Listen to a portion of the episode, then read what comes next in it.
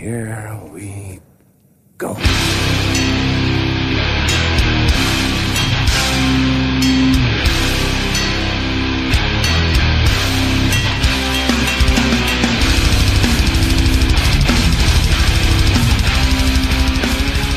Ja men sådär då, nere på noll, avsnitt 117. Jag, Robin Lindblad, sitter här med Danne Nätterdal Hej hej.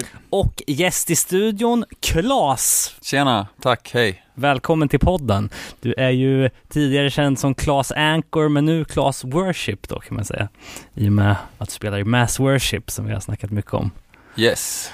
Kul att vi fick till det här, äntligen. Ja, du pitchade ju den här idén till mig eh, när Linus från Neighborhood hade sin eh, releasefest. Och inte i skiva då, utan ur fängelset. Det var väl juni 2016 som du... Exakt, så det här har ju legat och marinerat ett tag. I fyra år, så det blir bra med här, liksom, så här genomtänkta, välformulerade analyser här nu längs Victory-vägen. Svinkul att ha dig med, blåst ner ända från Stockholm för att snacka Victory Records med oss här idag. Viktiga, viktiga, viktiga records. Nej, men jag tänkte bara alltså, för att sätta lite ram här, du har ju eh, varit aktiv i hardcore i många år. Jag tänkte bara prata lite om eh, ja, men hur du kom in på hardcore, vad du har pysslat med och eh, lite band och så. här. Eh, hur fick du upp ögonen för hardcore? Alltså, Jag följde bara strömmen som alla andra. Man lyssnar på Metallica och AC/DC och typ E-Type. Och sen var nästa grej att lyssna på Millencolin och Refused och Teddy Bears typ. Och sen efter det var det ju Broder Daniel. Typ, då kom, Broder Daniel det kom väl 95 typ. Och då när alla drog, då var jag kvar. Så var det hon sa det. Eh, och då, ja, jag var fast liksom. Och när, du, när du själv började spela i band, jag vet inte, det första bandet som jag kom i kontakt med var i Set My Path. Var det ditt första band? Ja, precis. Mitt första, ganska inspirerat ur Victory Records kan man ändå säga. För de som inte har hört det, hur, hur lät ni? Metallisk eh, straight edge hardcore. Eh, och när var det här? 2001 till 2006. Så det var ju ganska unikt då att spela metallisk hardcore i, i just under de här åren. Det var ju... I alla fall i Sverige. I alla fall Sverige. Det började ju det vad ni kallar jeansdöden. När folk gillar lowcast och sånt jävligt mycket. Många CD-releaser där, eller? Ja, och CDR med för den delen. Ja, ja. Ja, men det var roligt. Det var, man hade ju ingen koll på någonting, allting var skitfett och det viktigaste var ju typ att bara vara en del av den här eh, scenen som fortfarande är ganska ny för den. Sen gjorde du ett ganska kortlivat projekt, tror jag va? Through the Mist of Tears. Ja, det var ju någon form av så här dödsmetall hardcore. Det var ju när uh, Undying och mm, jag vet inte, Reprisal, men typ så här grönsaksmangel, eh, när det verkligen pikar liksom, Heaven Shall Burn och sånt. Den extremt korta piken. En, ja, det var en fantastisk tid. Ja, det var en fantastisk tid. Eh, det gjorde vi typ ett år eller två. Och det försvann, Set My Path försvann, Fredrik från True Mr. Tears kom in i Anchor och Mattias från Set My Path också från uh, in i Anchor då. Och sen körde vi Anchor i typ nio år. Flaxa runt som bara fan. Eh, och man minns ju liksom Anchor som ett, eh, ja, ett av många liksom större hardcoreband i Sverige, liksom i hardcore-scenen, men det man inte tänkte på då var ju att ni var jävligt stora utomlands också, gjorde liksom riktiga turnéer och släppte på utlandsbolag och så här. Berätta lite om de Anchor-åren. Ja, nej men vi startade ju det bandet för vi ville eh, ha ett aktivt band som turnerade mycket och liksom släppte mycket plattor och, och som också var vegan straight edge.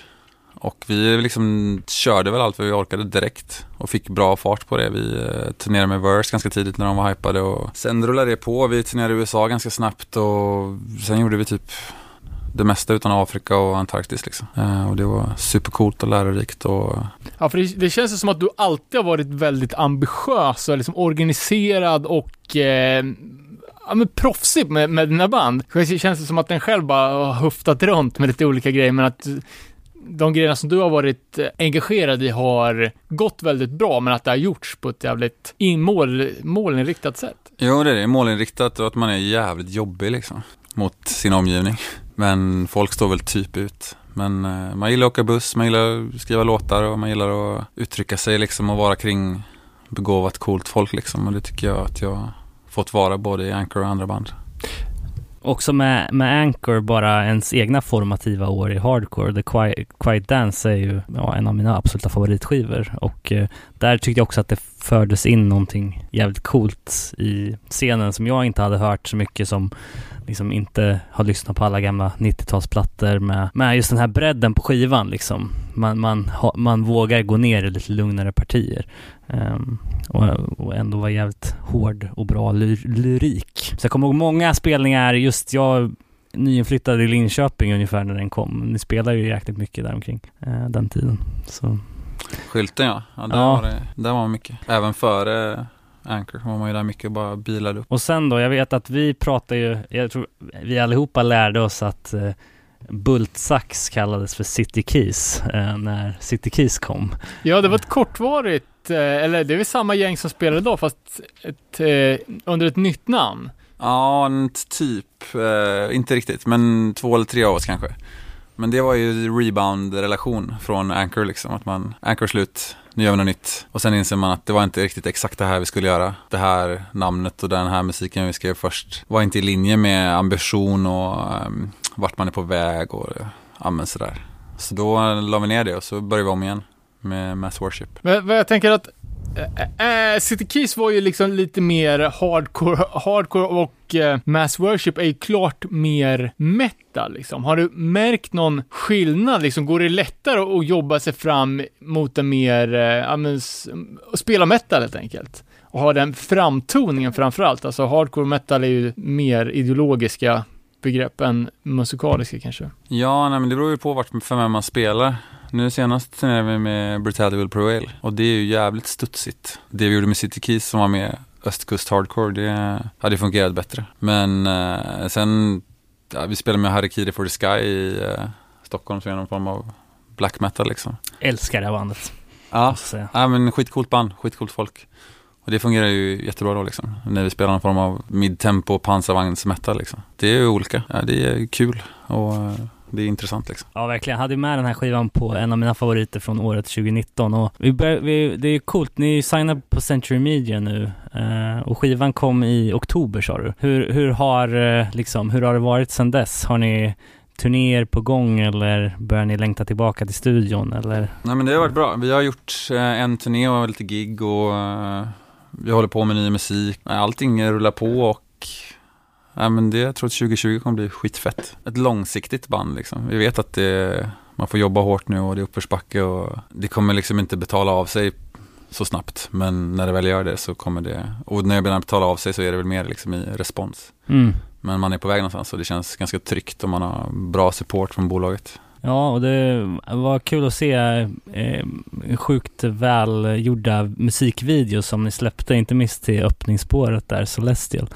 Eh, spela eh, också lite hardcore connection även där när ni spelar in dem, eh, som jag förstår. Mm, Jakob eh, Arevärn, ja. sjukt eh, proffsig. Gjort jättemycket musikvideos, eh, både till hardcoreband och metalband och väl gjort videos till allt från Volvo till liksom, diverse olika fjällstugor i norr. Alltså, tog proffs verkligen. Det är många inom punk och hardcore-svängen som halkar in på musikvideoskapandet. ja, men överlag, alla, alla kreativa yrken tycker jag ja. är något hardcore kid liksom.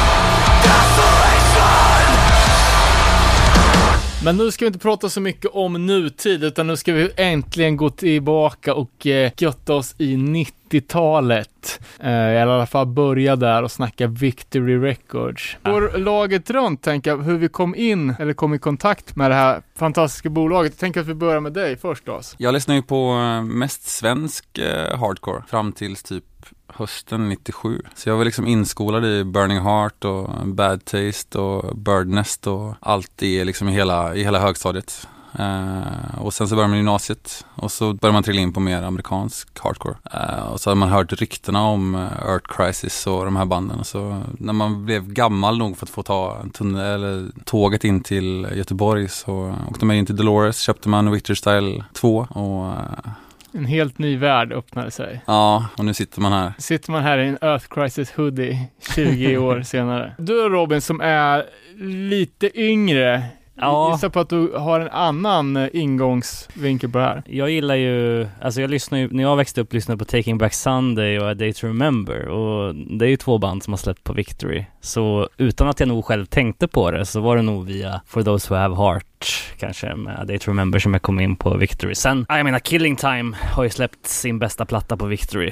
Eh, som är... Ja, CD reissue ja, men... men jag har alltid varit en CD-kille eftersom jag är den generationen. ja, det är le att... legit. men liksom, och även när man började på, lyssna på All Out War, det var någon som sa de är döpt efter plattan. Bara va? Och så kollar man upp Earth Crisis och så. Men så att, är de det? Ja, jag tror inte det men...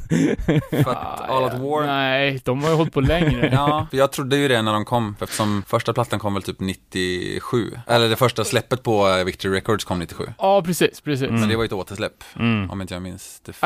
For those of Crucified är ny, men de hade släppt en platta innan på tyska Gain Ground Records och sen har de ju sjuor, två stycken. De börjar ju innan Earth Crisis. Mm. Eller det gjorde de inte, de började fan efter Earth Crisis, men innan den eh, klassiska Earth Crisis 7 släpptes i alla fall. Och det var ju som sagt bara något som någon sa i förbifarten men Ja, det var det sant. Det fick mig att kolla upp dem i alla fall och ja, det är väl typ där. Ja. Ska jag säga.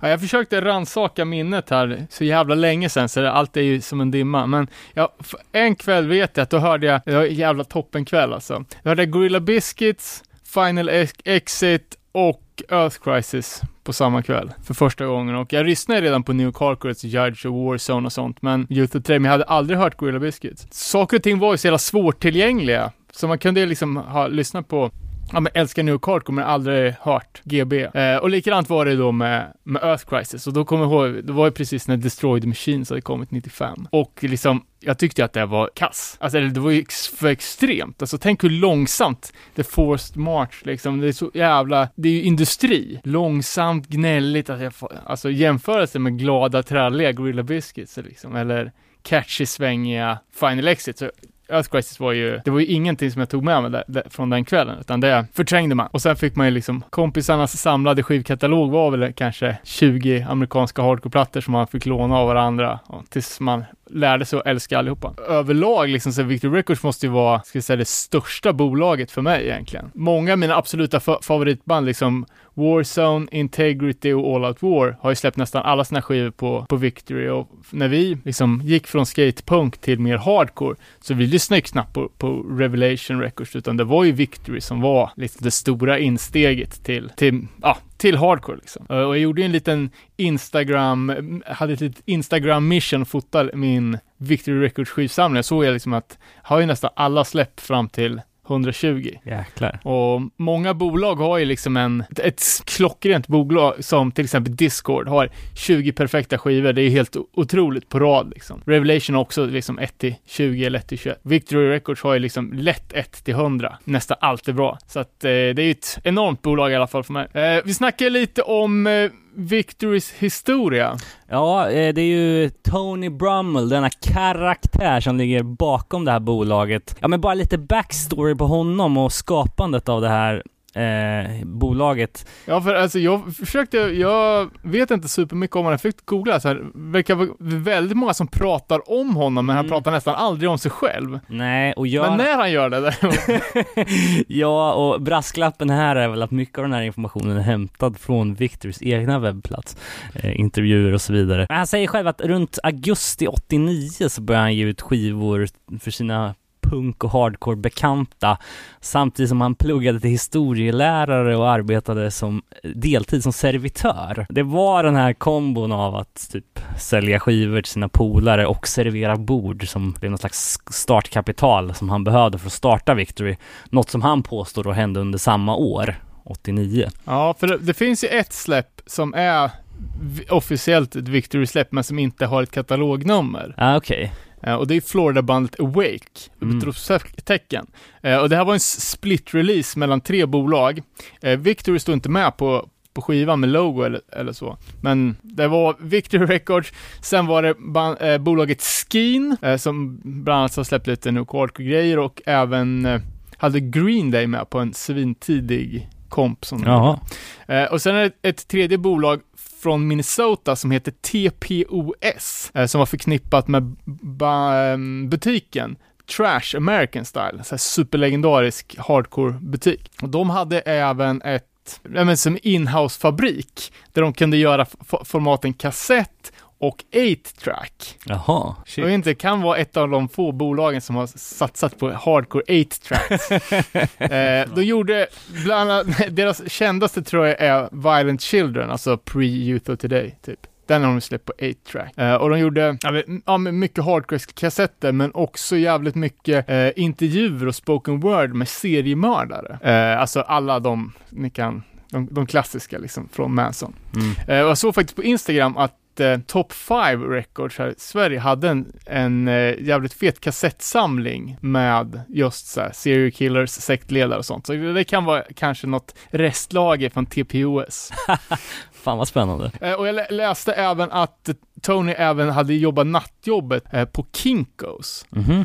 Vad är det för något? Eh, det är ju alltså en kedja med kopiering, nattöpp eller dygnet runt öppna kopieringsställen. Ah. Innan folk hade liksom hemdatorer och skrivare och sånt. Så gick man till Kinkos och skrev ut. Eh, och just som att det var nattöppet och var ofta ungdomar som jobbade i de här liksom kopieringsställena. Så var det ju ett drömläge för band att komma dit och trycka upp flyers, trycka upp skivomslag och fanzines och sånt liksom off the grid på Mm. natten. Tony jobbade nattskiftet och fick så kontakt med asmycket band liksom som kom dit och han började hila och deala och, och få- fick ut massa fanzines och sånt. Ja, precis. Ja, men han säger det själv, typ att majoriteten av de också Victory-släppen som han gjorde kom genom att han träffade ja, men, band på spelningar eller fick demos postade till sig.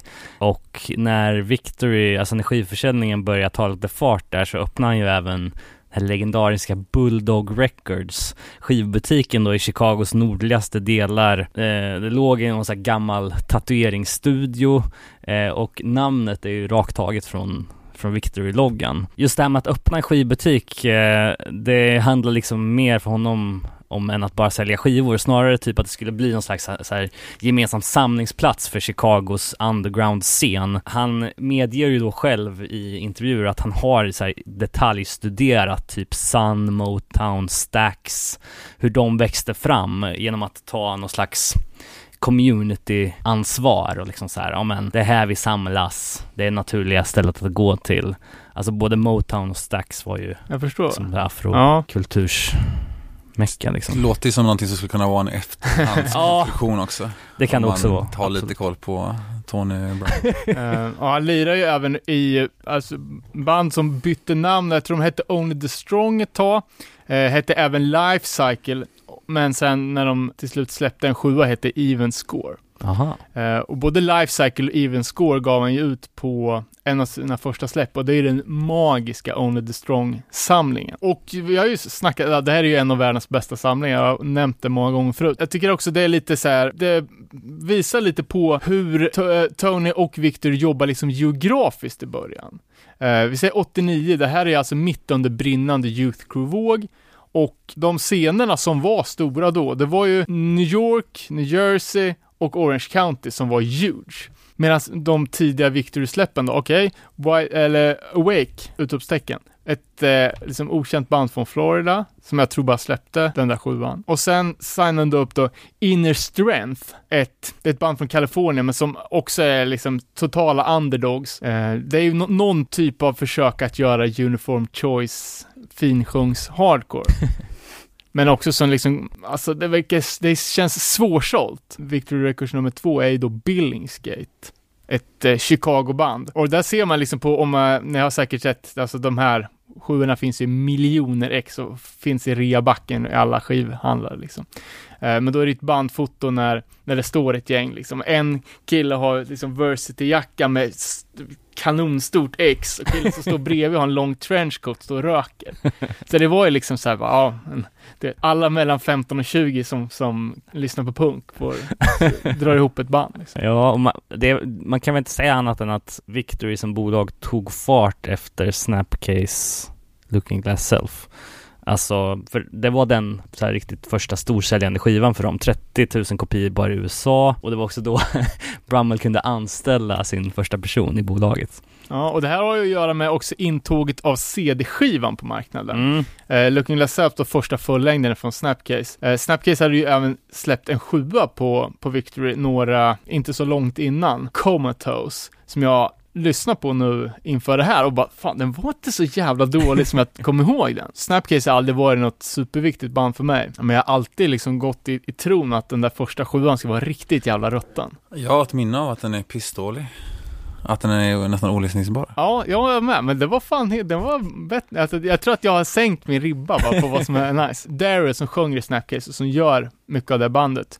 Med hans extremt speciella sätt att sjunga. Det är ju något sorts, jag vet inte fan, det är ju liksom någon typ av hojtande utan rasp i, i rösten på något sätt. Nej, mycket ton i, i sin sång. Så kanske man kan säga det lite snällt. Eh, men han spelade bas på första sjuan, de hade en annan sångare.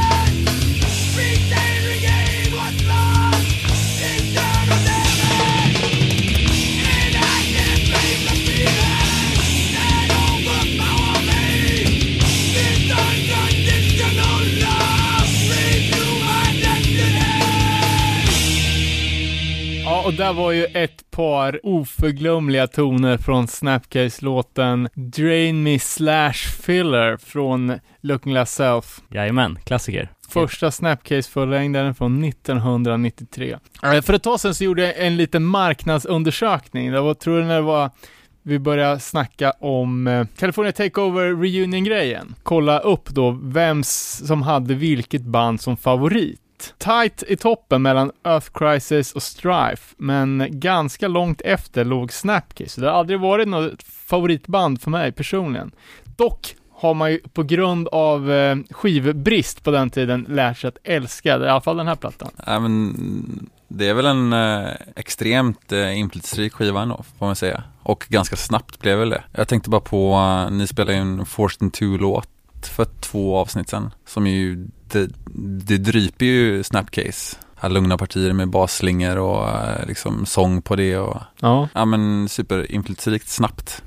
Jag tror också speciellt mot svensk hardcore, alltså att de svenska 90-talsbanden låter mer Snapcase än liksom Earth Crisis, långsamt, tungt. Ja men verkligen. Alltså det finns ju någon emo-feeling i Snapcase som många här verkar liksom ha tagit till sig i sitt Ja.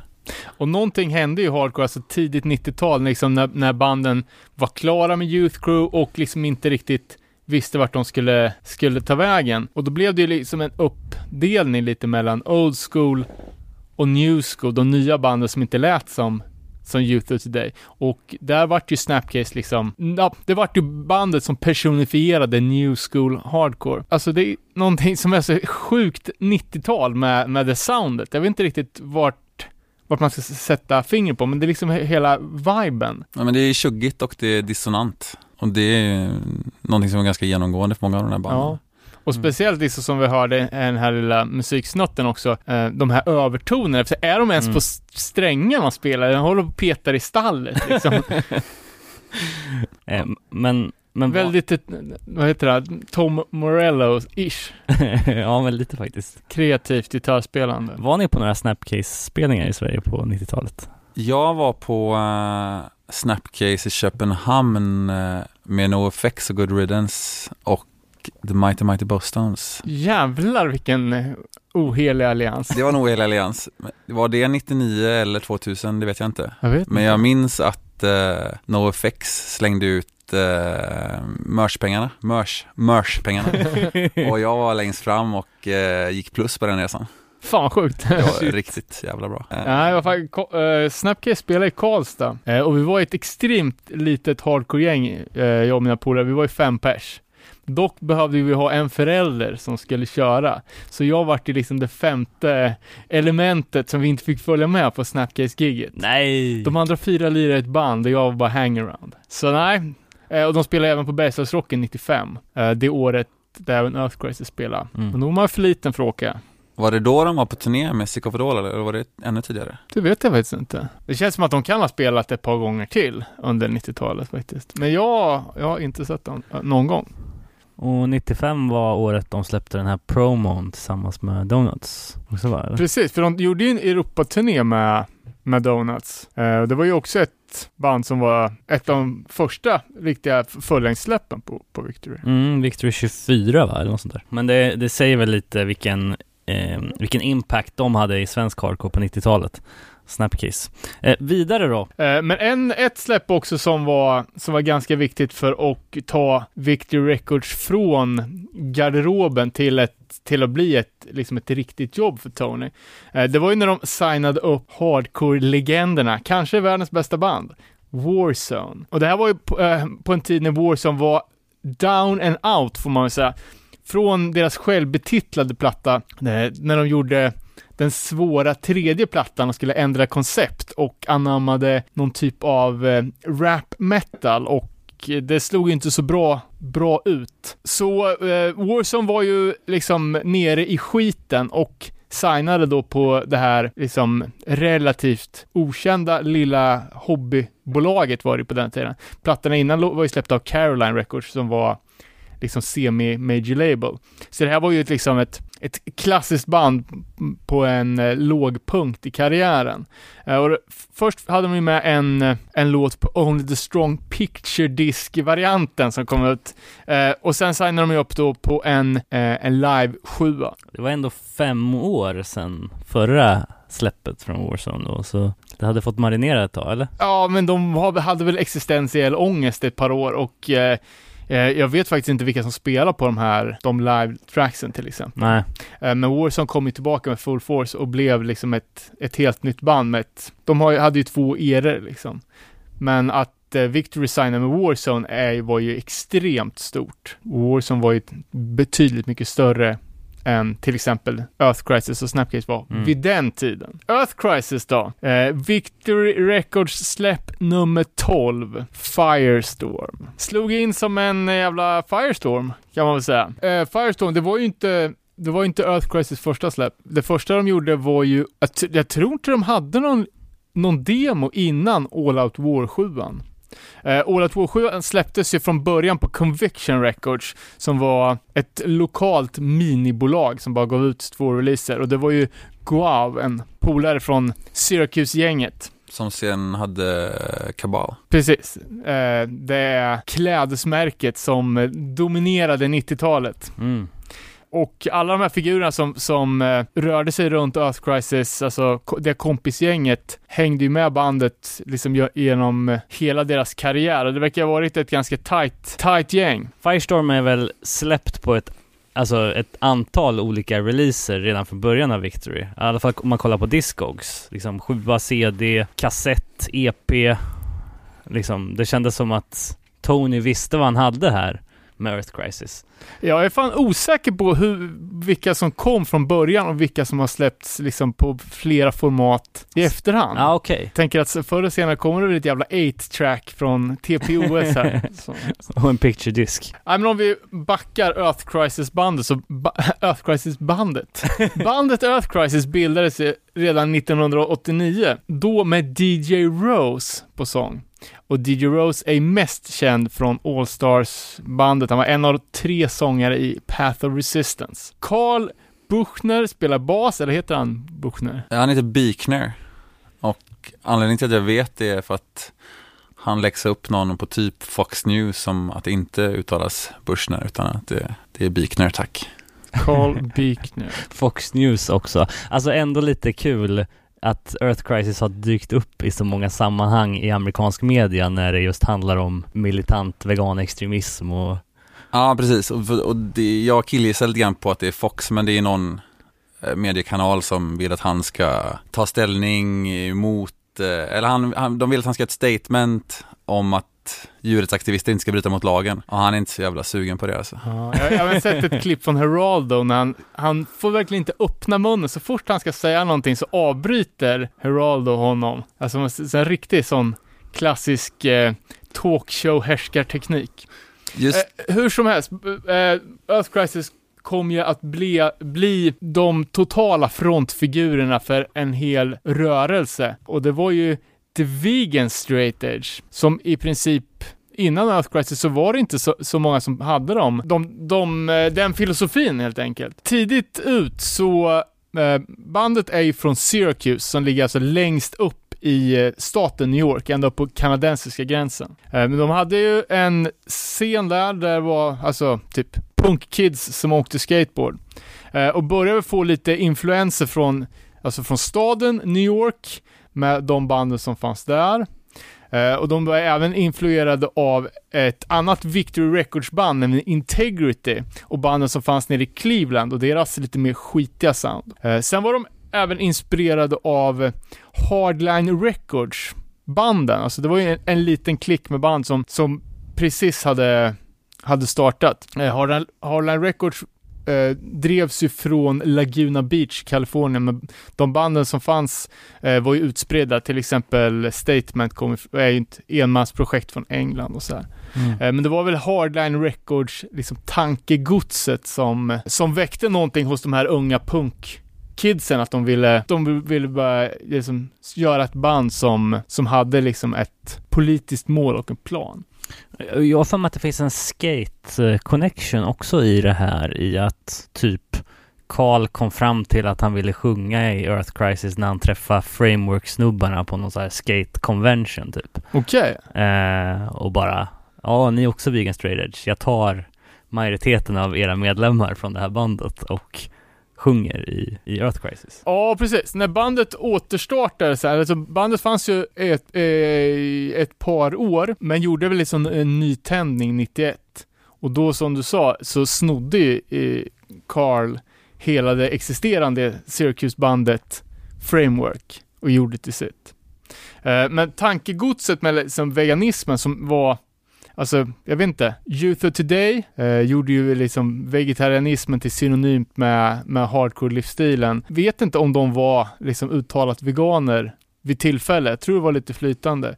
Eh, Gorilla Biscuits, viss, vissa var ju veganer redan från början och sådär. Men det var inte så många som hade det liksom som, ah, det var inte en grej helt enkelt. Eh, och vad jag läste mig till så, så fick Syracuse-gänget idéerna från lite folk som de träffade nere i Albany, en annan av de större städerna i New York State.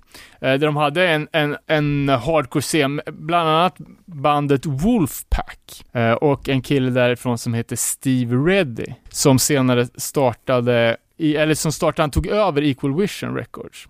Eh, och sen en annan kille som heter David Stain, som hade Combined Effort Records. Eh, ett bolag som släppte typ åtta stycken eh, New York Hardcore-plattor på, på slutet av 80-talet. Eh, och någonstans från det här liksom ärvda tankegodset så, så alltså blev ju Earth Crisis game changers deluxe. Dels med sitt politiska budskap, liksom med deep ecology och eh, djurrättstänket. Men också med sitt liksom metalliska sound. Och hårda jävla texter med, inte ett mission statement, men mer ett war cry liksom. Att street by street, block by block liksom. Ja, verkligen. Verkligen. Ja, det är ju ett, eh, ett textspråk som är extremt tilltalande för eh, tonåringar. Det är ju tämligen eh, ett, ja men det är ju ganska fundamentalt. Mm. Vilket ju är attraktivt för kids som är arga liksom. Att det, det är inte mittemellan utan det är fullt ös. Det kan man ju känna sig extremt attraherad av även nu men framförallt då liksom. Ja, och det, det sägs ju att, jag upplevde det aldrig så i, i Sverige, det känns som att eh, dels var man för ung för att liksom vara med när, när, när Firestorm släpptes. Att den plattan inte, eller den, när den sjuan kom, att det inte blev så stor grej i Sverige. Eh, utan att det hände liksom kanske när, när första fullängdaren kom. Eh, men som, jag vet inte om ni såg det, men det var ju ett, eh, ett typ ett, en YouTube-grej som heter The Rise of Vegan Straight Edge and Earth Crisis. Typ en, eh, ja men en minidokumentär liksom, när de pratar om det. Om bandet och deras impact. Och då, där säger de att i USA så var det liksom över en natt så vart Earth Crisis kanske inte det populäraste bandet, för de flesta hatar ju Earth Crisis. Men det fanns inte en jävel som inte visste vilka de var. Ja, det är som nu, det är ett extremt eh, polariserande band. Där folk är tvungna att ha en åsikt om det. Eh, och det finns väl bottenlöst om eh, med rykten kring det och folk kastar kött på dem och allt vad det liksom har varit. Eh, men jag tänker liksom att det är bara ett kvitto på att de gör någonting som är eh, rätt och att det, det skapar någonting.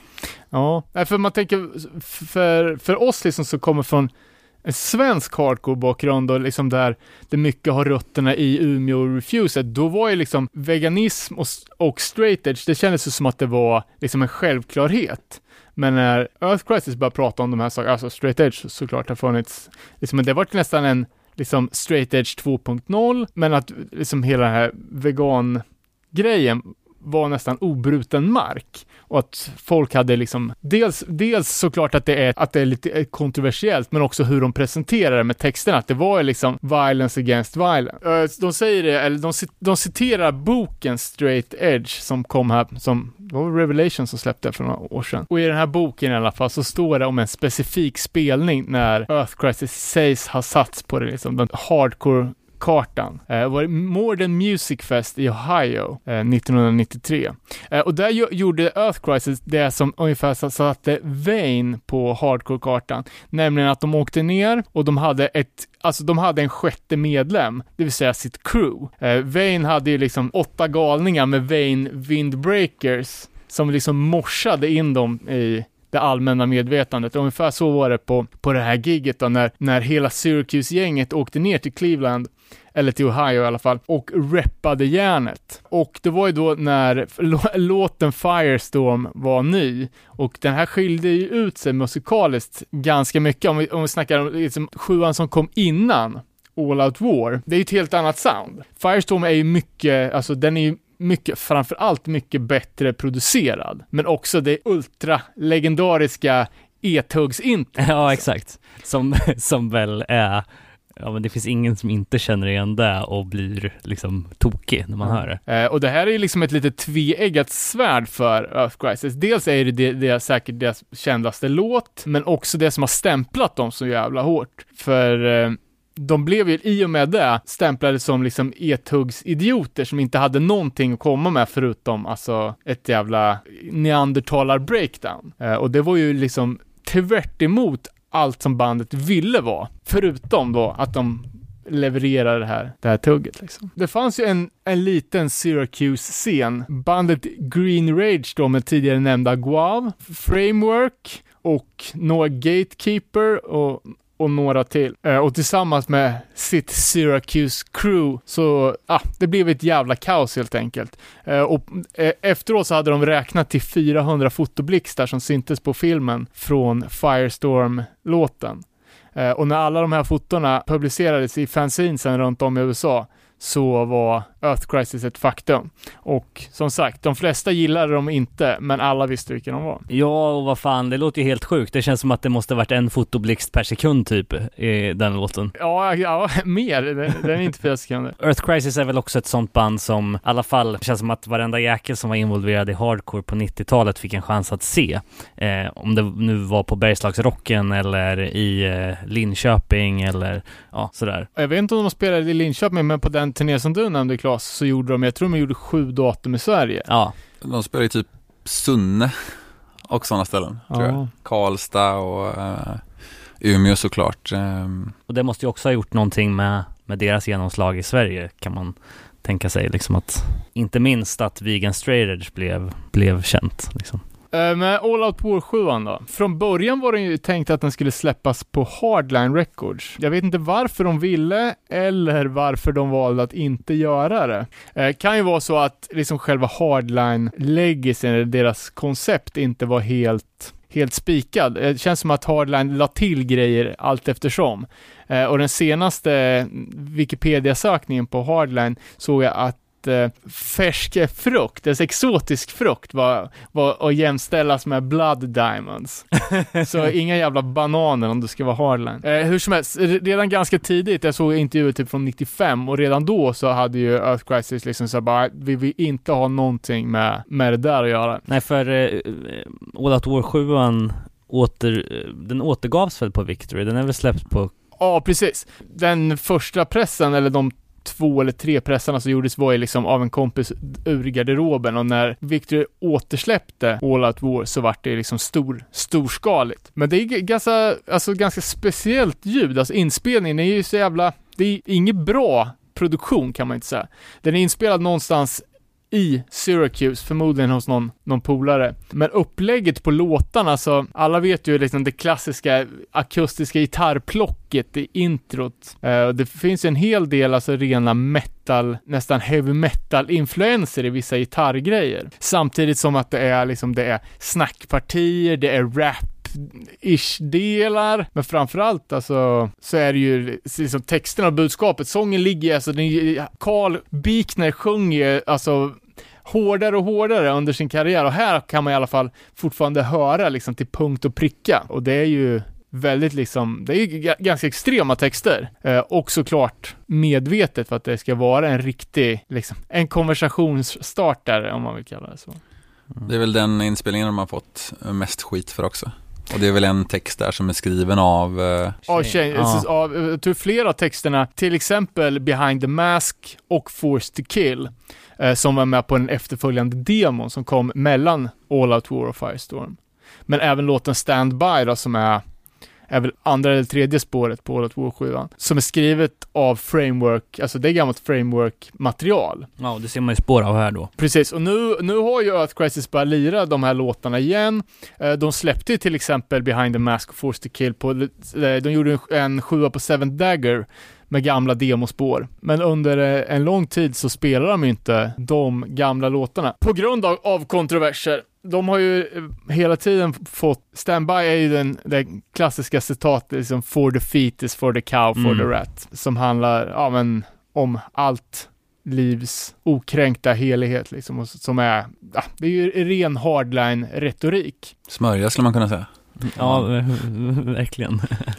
Men det är många, många grejer som, som Earth Crisis, alltså, alltså de målar upp sig på en jävligt hög moralisk häst. Till exempel på All Out War 7 så står det, eller på, i alla fall på CD-bookletten så står det liksom, eh, printed on recycled paper, printed with soy-based ink. Och så läser jag liksom någon intervju, bara, ja men varför har ni foton på skivan? Foton kan innehålla gelatin. Och då får Carl liksom bara, ja men vi vill ju att folk ska kunna se hur vi ser ut i bandet på våran skiva. Ja men det är liksom inte moraliskt försvarbart att din önskan att synas ska gå över djurens rättigheter liksom. Ni pratar om liksom uppmana till, till di- direktaktion mot maskinerna som förstör, som förstör naturen. Men ni åker i en turnébuss. Så att det, det är liksom, Den eviga kampen det är, av, det är eh, jobbigt att göra rätt liksom. Ja, det som jag tycker är intressant med retoriken är ju liksom att 1992 så sparkar man ju upp dörrarna på vilket ställe som helst med den retoriken. Men idag är den ju liksom lite närmare till hands. Och den går nästan att använda sig av idag. Kanske inte att man har någon i sitt sikte liksom.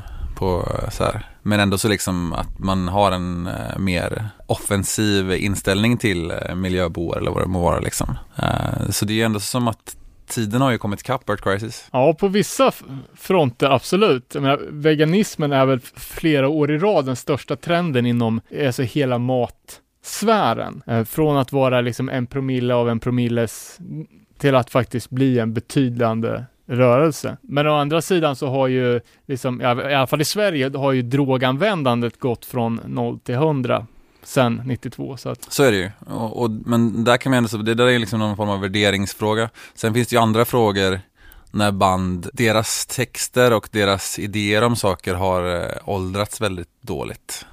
Och det eh, är ju ganska genomgående när man tittar igenom den här katalogen. Och det finns ju vissa grejer som Earth Crisis var jävligt illa ute med 92 och som är katastrof idag liksom. Men, men just med, mm, med veganismen och miljötänk och sådär så, så var det ju extremt progressivt. Jag vet inte om de har gjort det, men, men jag tycker man ser det ganska ofta idag, artister inom olika genrer som eh, liksom säger att ja men jag, jag var jävligt fel ute i mina tidigare låtar med mina texter och så vidare.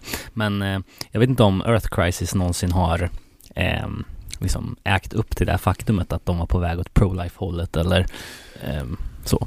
Alltså redan på Go Mars and Ends så har de ju ett långt, långt statement i skivan om vad de tycker om allting.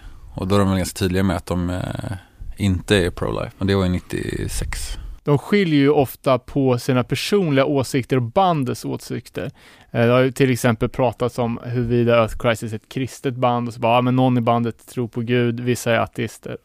De, de får hela tiden kollektivt ta ta ansvar för även enskildas liksom. statements. Och det blir lätt så när man tycker så jävla mycket, alltså när det nästan är eh, en åsikt som är ute på turné Mm. snarare än en, någon underhållning. Och det är ju nästan synd med ett band som Earth Crisis som också är så eh, eh, progressivt musikaliskt och som liksom återuppfann sig själv för varje skiva och som var så långt fram eh, i det musikaliska och utvecklade sig själva liksom och tittade mot eh, stora Roadrunner-band mer än vad de liksom tittar in i hardcore-scenen. Hur mycket man än nu tycker att de värderingarna är, är coola liksom så är det synd att uh, musiken kommer så långt bak. Firestorm då, influerade av New York Hardcore, Cleve Hardcore, så tar ju de sig till Mars Studios i Cleveland för att spela in Firestorm.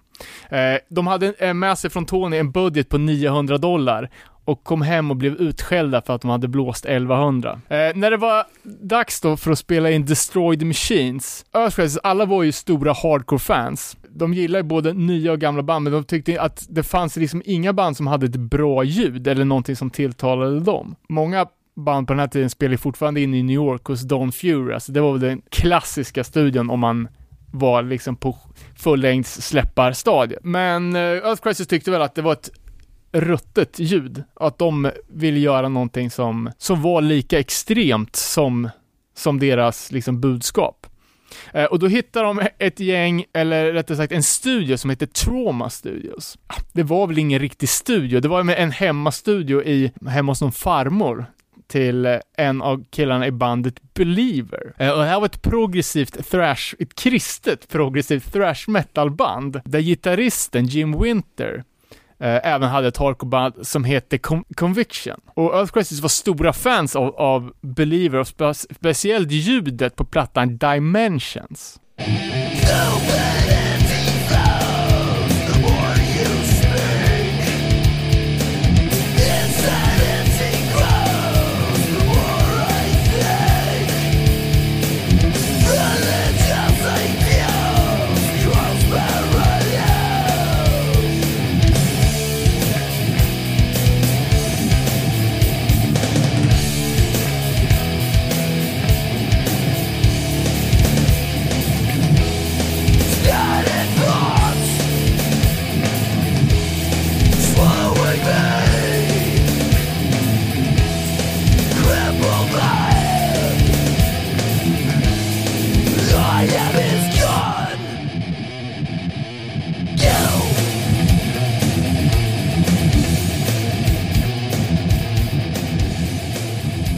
Den här Trauma Studios. Eh, eh, på, på skivan så står det Traum, vilket är en felskrivning av Victor Records, Trauma Studios. Eh, tydligen var det en, en liten källare och det så där, där skrymslet de skulle lägga trapp, trummor, det var så lågt i tak så cymbalerna fick knappt plats. Eh, Men ut kom de i alla fall med en jävla inspelning. Eh, Och det var ju liksom ett helt nytt sound, inte bara för Earth Crisis utan för hardcore överlag. Destroy the Machines liksom, ja, det, den golvade ju mig rejält och jag var ju liksom ändå uppfödd på, på death metal. Men det här var ju liksom sjukare än, ja men Morbid Angel, Carcass eller vad, vad för skit som man hade lyssnat på innan. För att den är så, det är så långsamt, det är så hårt och det är ju verkligen metalliskt som fan. Och en extremt metodisk eh, sång.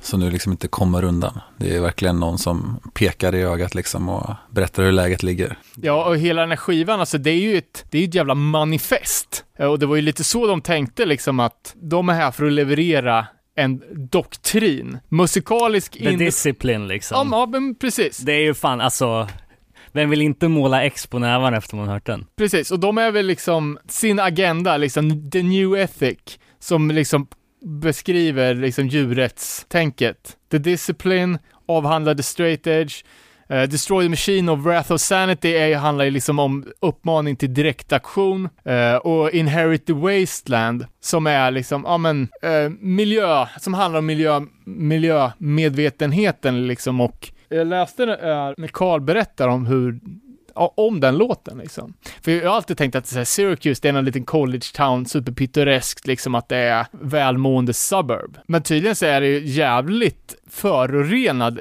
industristad. Och att sjön, med, alltså det är något outtalbart namn, men så är en av de mest eh, förgiftade vattnen i hela USA. Och att det finns, ex- alltså det är verkligen, de har ärvt ett, ett jävla wasteland. Mm. Och att det är uppväxten i, i den miljön, liksom där allting är förgiftat, som har gjort till att de här punk skateboard kidsen liksom gick från att bry sig om fuck the system till att liksom personligt ta ställning i miljöfrågan. Ingen av er som har sett Gasland eller? Jag såg däremot eh, Dark Waters igår. Som Ja, handlar ja. om DuPont och hur de typ eh, giftar ner halva jävla världen och den här rättegången som är typ i 15 år. Ja, just det, precis. Helt jävla sjuk alltså. På tal om Inner Wasteland. Ja, precis. Ja, jag tänkte också på det här eh, som man ser i Gasland-dokumentären som jag tror touchar på New York State. Jag vet inte om de kommer in i eller om det är där de kämpar emot med just det här med som är populärt i USA med fracking som är så populärt i eh, Midwest, så här flyover states liksom att de går runt och borrar för gas och Mm. Folk får gas i sina kranar och så här liksom. Men att det också är mycket utsläpp i eh, längs eh, östkusten i USA just på grund av det. Och jag tror att eh, Syracuse omnämns i Ja. dokumentären. Alltså det var väldigt många exempel på liksom, miljöskandaler Ja. som har hänt i den där staden. Alltså det är ju två gånger Örebro. Ja men precis, man tänker så här typ eh, vad som är populärt här omkring Sverige, liksom de dumpar lite skit i Östersjön liksom, men det här är ju på en sån jävla mycket högre nivå, eller bred, större nivå så att säga. Och när de spelade in det, den här plattan då, så, så, så hade de gått ner till en gitarrist. Ben hade hoppat av eller droppat edgen och fått sparken, beror på under vem man frågar. Så andra gitarren, eller påläggsgitarren, las av Jim Winter. Earth Crisis själva verkar inte vara helt 100% nöjda med den här plattan, framförallt inte Carl, som tycker att han inte har hittat sin röst. Eh, jag tycker att det är helt helt jävla genialt. Men tydligen så var Karls mamma operasångerska. Eh, och börjar väl här ge sin son lite tips på hur man ska sjunga liksom på ett, ja men på ett korrekt sätt. Och med de här tipsen i bagagen så hade han liksom ändrat sin sångteknik och liksom inte riktigt hin- hunnit finslipa det hela. lite. Nej, nej. Så han var ganska miss- missnöjd. Det, ja, det är också kul hur, hur man eh, rebellerar mot sina föräldrar och går rakt motsatt ja men riktning tänk att vara musikaliskt. Karls mamma liksom bara såhär operasångerska, alltså bara, ja men din son sjunger visst, kan, kan man få höra ett smakprov? Eh, ja, men om vi ska ha ämnet eh, sjunga fint, så ta med fan om de inte utsjukar sig själva på den här plattan. Gomorra Seasons Ends. Helvete vilken kross det är. Ja, det är ofta världens bästa skiva faktiskt. Ja, det, ja den är riktigt bra. Så det, det, jag hatar och, och ta ställning, men den är ju fantastisk.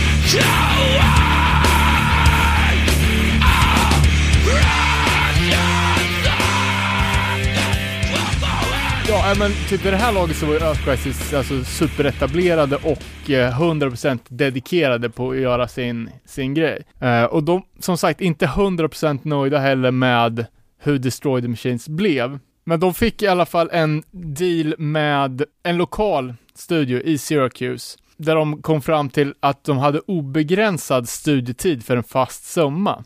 Eh, vilket, de, vilket gjorde till att de för 12 000 dollar kunde sitta flera månader och finproducera. Eh, och det märker man om man lyssnar på alla pålägg som är med på den här skivan. Alltså, det är ju från actual grisar som, som eh, håller på och, och lever rövande bakom Karls sång och det är ju industriljud och sjuka grejer liksom. För att de kan ju inte ha turnerat så mycket på Destroy the Machines innan de då Eller gjorde de det parallellt för att de hade så mycket tid? De eh, gjorde väl säkert det och så körde de av vägen och så eh, skadade sig Dennis Merrick, trummisen. Och då tog de en paus medan han eh, skulle läka och bli frisk och så startade de The Path of Resistance. För jag läste, för mig, helt mindblowing. Eh, Carl säger, då pratar de om mottagandet av The Path Resistance. Jag tänkte att det var liksom segertågens segertåg. Jag har inte hört en positiv recension hittills. Om någon, om någon har en så kan ni höra av er. Ja. Men var, eh, har inte ni upplevt det som att alla älskar Path Resistance? Jo, men jag menar, die motherfuckers, we never want you back. Alltså det är ju inte, en, det är inte öppna armar liksom. Så att man kanske får lite vad man signalerar också. Ja, Who Dares Wins är väl eh, ändå en Sverige-favorit. Det, ju, det måste man ju säga. Ja. Ja, det är ju 24 år senare också. ja, men man har ju hört många, eh, många svenska hardcoreband köra cover på, på den låten. Ja, men fan till och med liksom Örebro Hardcore, där alla dricker folköl 24-7, liksom. Vi kunde varenda Path Resistance text utan till och sjöng dem med, med passion, liksom.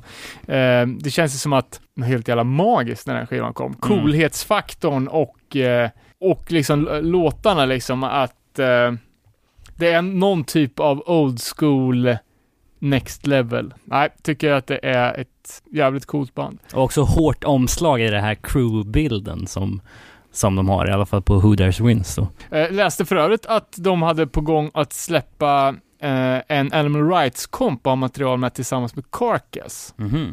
Eh, den verkar aldrig ha blivit av. Eh, sen gjorde ju Path Resistance en återkomstplatta på 2000-talet. Eh, Ja, just det. Can't den? Stop the Truth. Ja, Eh, inte lyssnat så mycket på den faktiskt. ja, jag tycker den var fet också. Rätt bra alltså. Såg dem i London på den lilla turnén som var.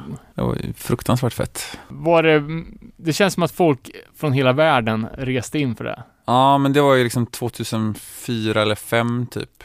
Så det var ju när typ Purified in Blood och de banden var stora i Skandinavien. Så det var ju mycket eh, svenskar och norrmän och folk som var där. Pissfett. Jag tycker att medan vi är inne på Gomoras, denna alltså fantastiska platta men också den eh, extrema skivan, alltså rent ljudmässigt kanske vi klippa in en liten snutt. Har Klas någon favoritlåt från den här plattan? Forgiveness Denied, sista låten, är ju långsam och helt överjävligt hård. Uh, vid det här laget så har ju de också snurrat in sig i lite tvivelaktiga texter. Men uh, skit i det.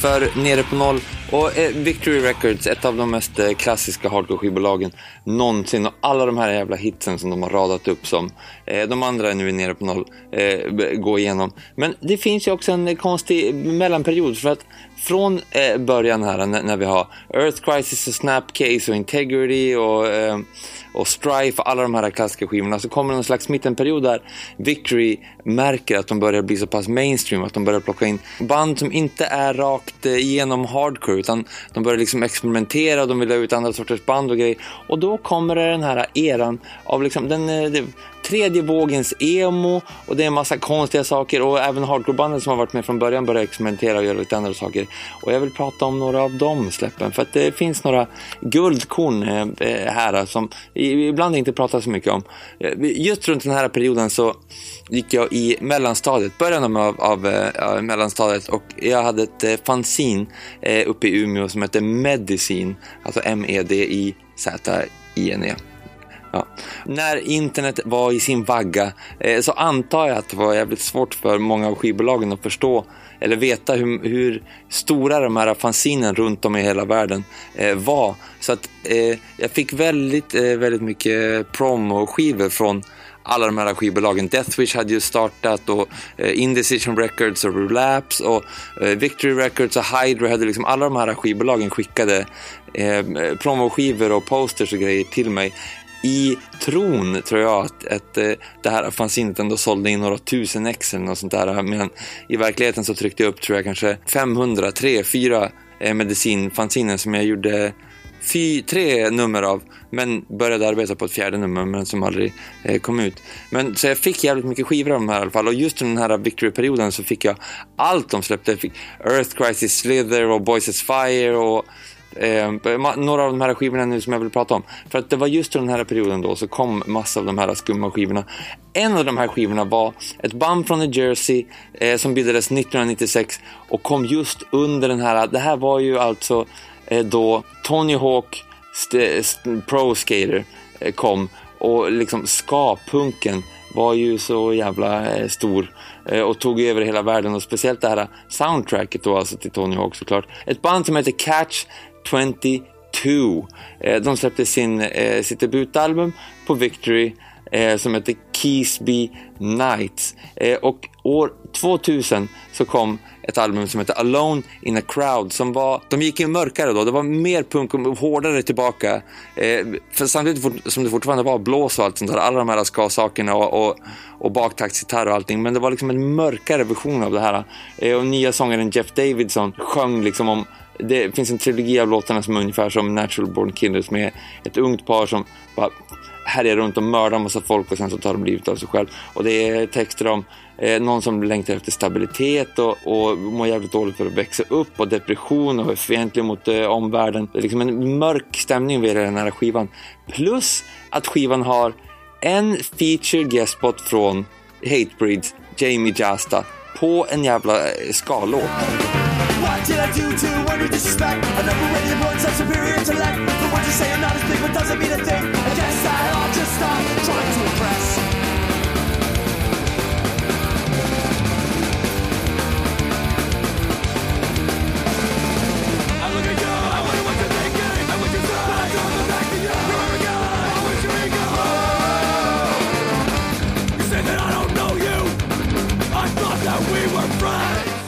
annat som hände här var också den tredje vågen av emo. Ett av de största släppen som någonsin hände i hela den här eran av band som eh, My Chemical Romance och Thursday med flera var ju Taking Back Sunday från Long Island som 1999 släppte. Tell All Your Friends, ett av mina absoluta favoriter-emo eh, och mångas emo-släpp någonsin. Som var alltså super, super, super poppis under tre album. Som, sen så bara försvann de och nu är de ju, de spelar ju fortfarande men eh, folk vill ju bara höra det här albumet, så är det ju. Eh, startades av Eddie Ray som tidigare var känd från ett band som heter Movie Life och hardcoreband som Mind Over Matter och Inside. Han startade Taken Back Sunday som var, fortfarande var också eh, som emo, så här, som taget från tidiga emo-band men skrikigt och stökigt sådär som Embrace och Fugazi var inte sådär fint och eh, typ American football eller sådär var utan skränigt, skrik, kaos och man säger fan hårdare och stökigare. Det som är speciellt med Take Back också är att det är rätt men det är också att sången hela tiden är, det är två olika röster som sjunger olika saker hela tiden som bara väver in och väver ut och väver in i varandra hela tiden. Så det är som bara ett m- jävla myller och en myrstack av eh, sång.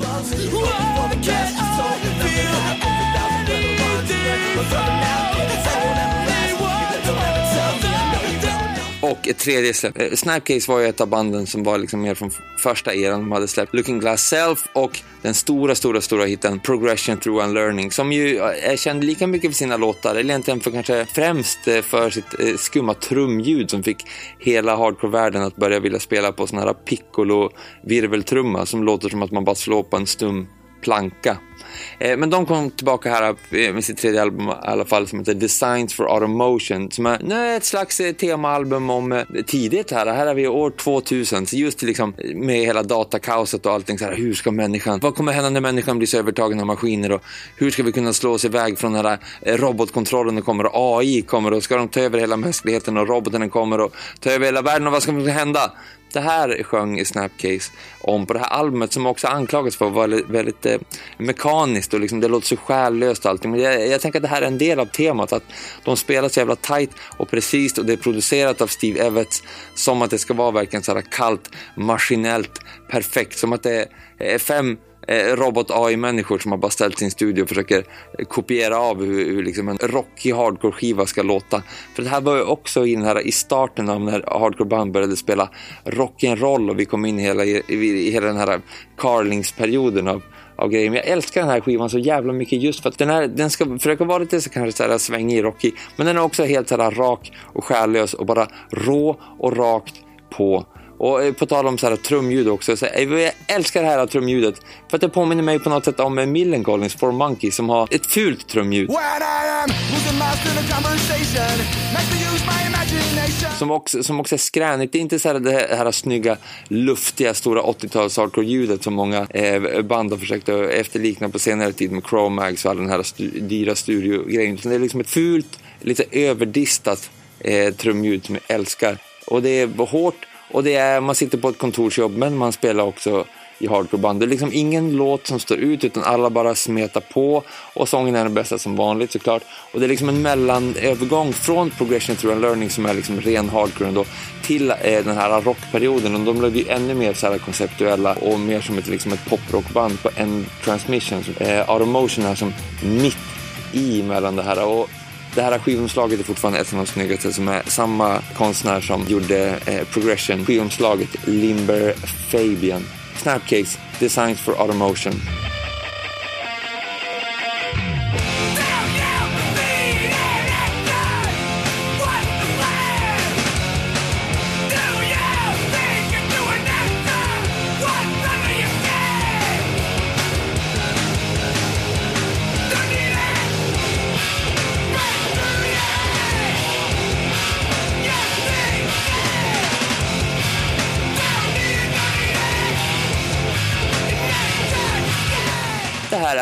Mark Strömberg för Nere på Noll tillbaka till studion och eh, Victory Records.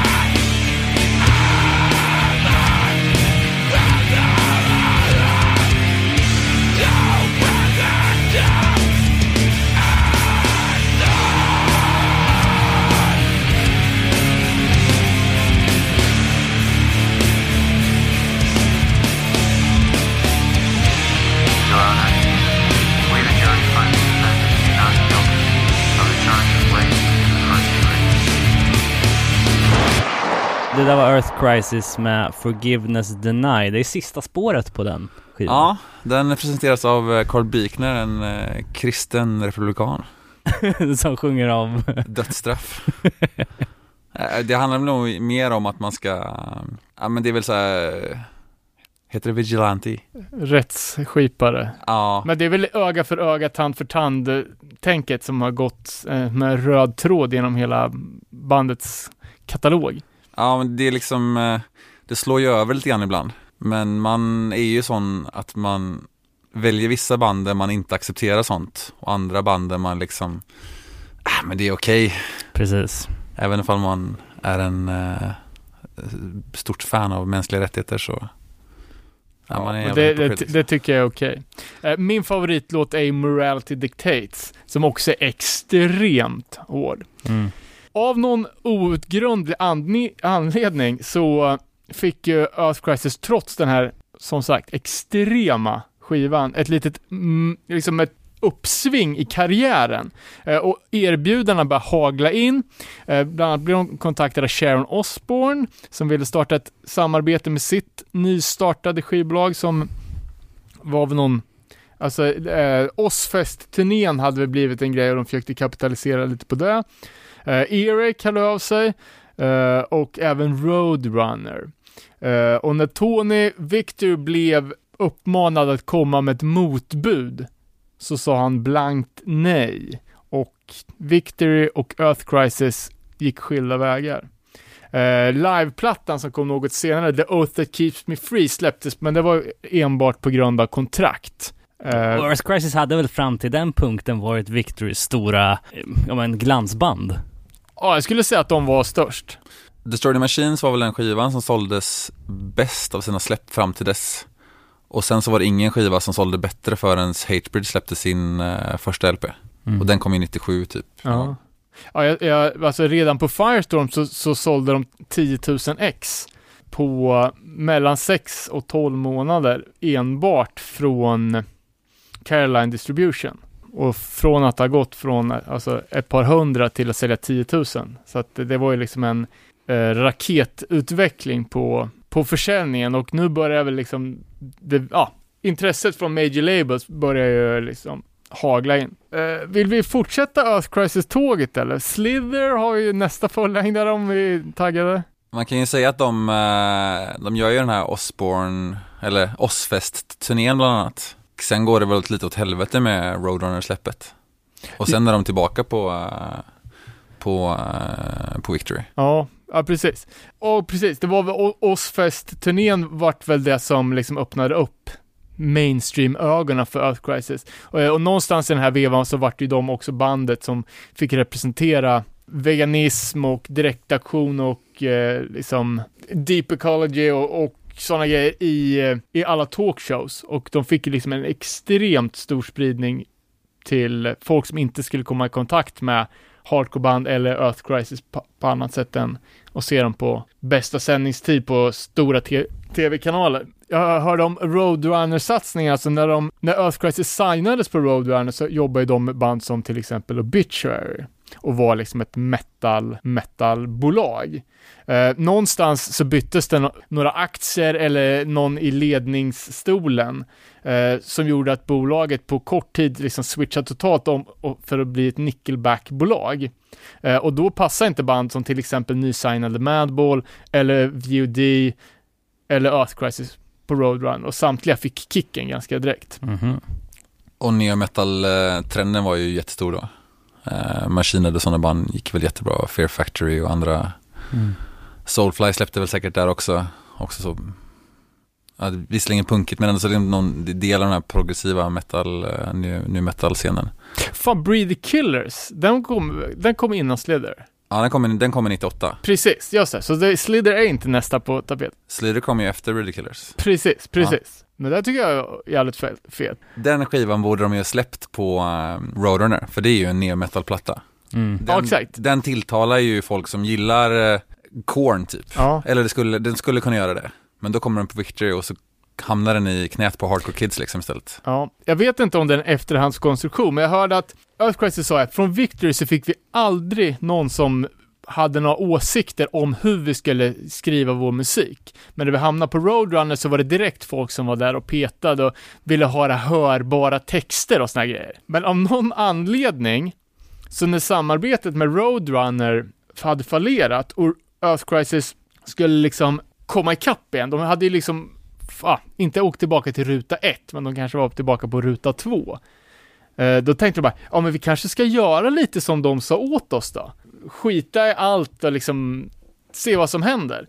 För de var ju på, på vägen att lägga ner. Och då kom ju Slither till, eh, som, ja men precis, det är väldigt mycket Fear Factory, Machine Head, såhär, new metal vibes. Eh, jag tycker att den skivan är fet, den hamnar, den hamnar rätt hos mig. De själva verkar hata den ganska ohämmat. Eh, och säger väl att det är bara, ja ja men du vet, det är alltid någon jävla hipster som ska tycka att den dåliga skivan är bra. Scott Krause har väl gått ut och sagt att fans behöver inte försvara Slither, det är okej. Ja men exakt. vi blir inte, vi tar inte illa vid då. Nej, jag, kommer, jag, jag tänker alltid på hur det var när jag kom in på Earth Crisis, det var Slither den första plattan som jag kom i kontakt med, för det var i, eh, i diskografin den senaste plattan de hade släppt. Ja. Eh, för den här coverplattan, den, liksom, den försvinner ju. Ja, Eh, Last of the Same. Ja, eh, så i ordningen så var Slither den nyaste plattan liksom.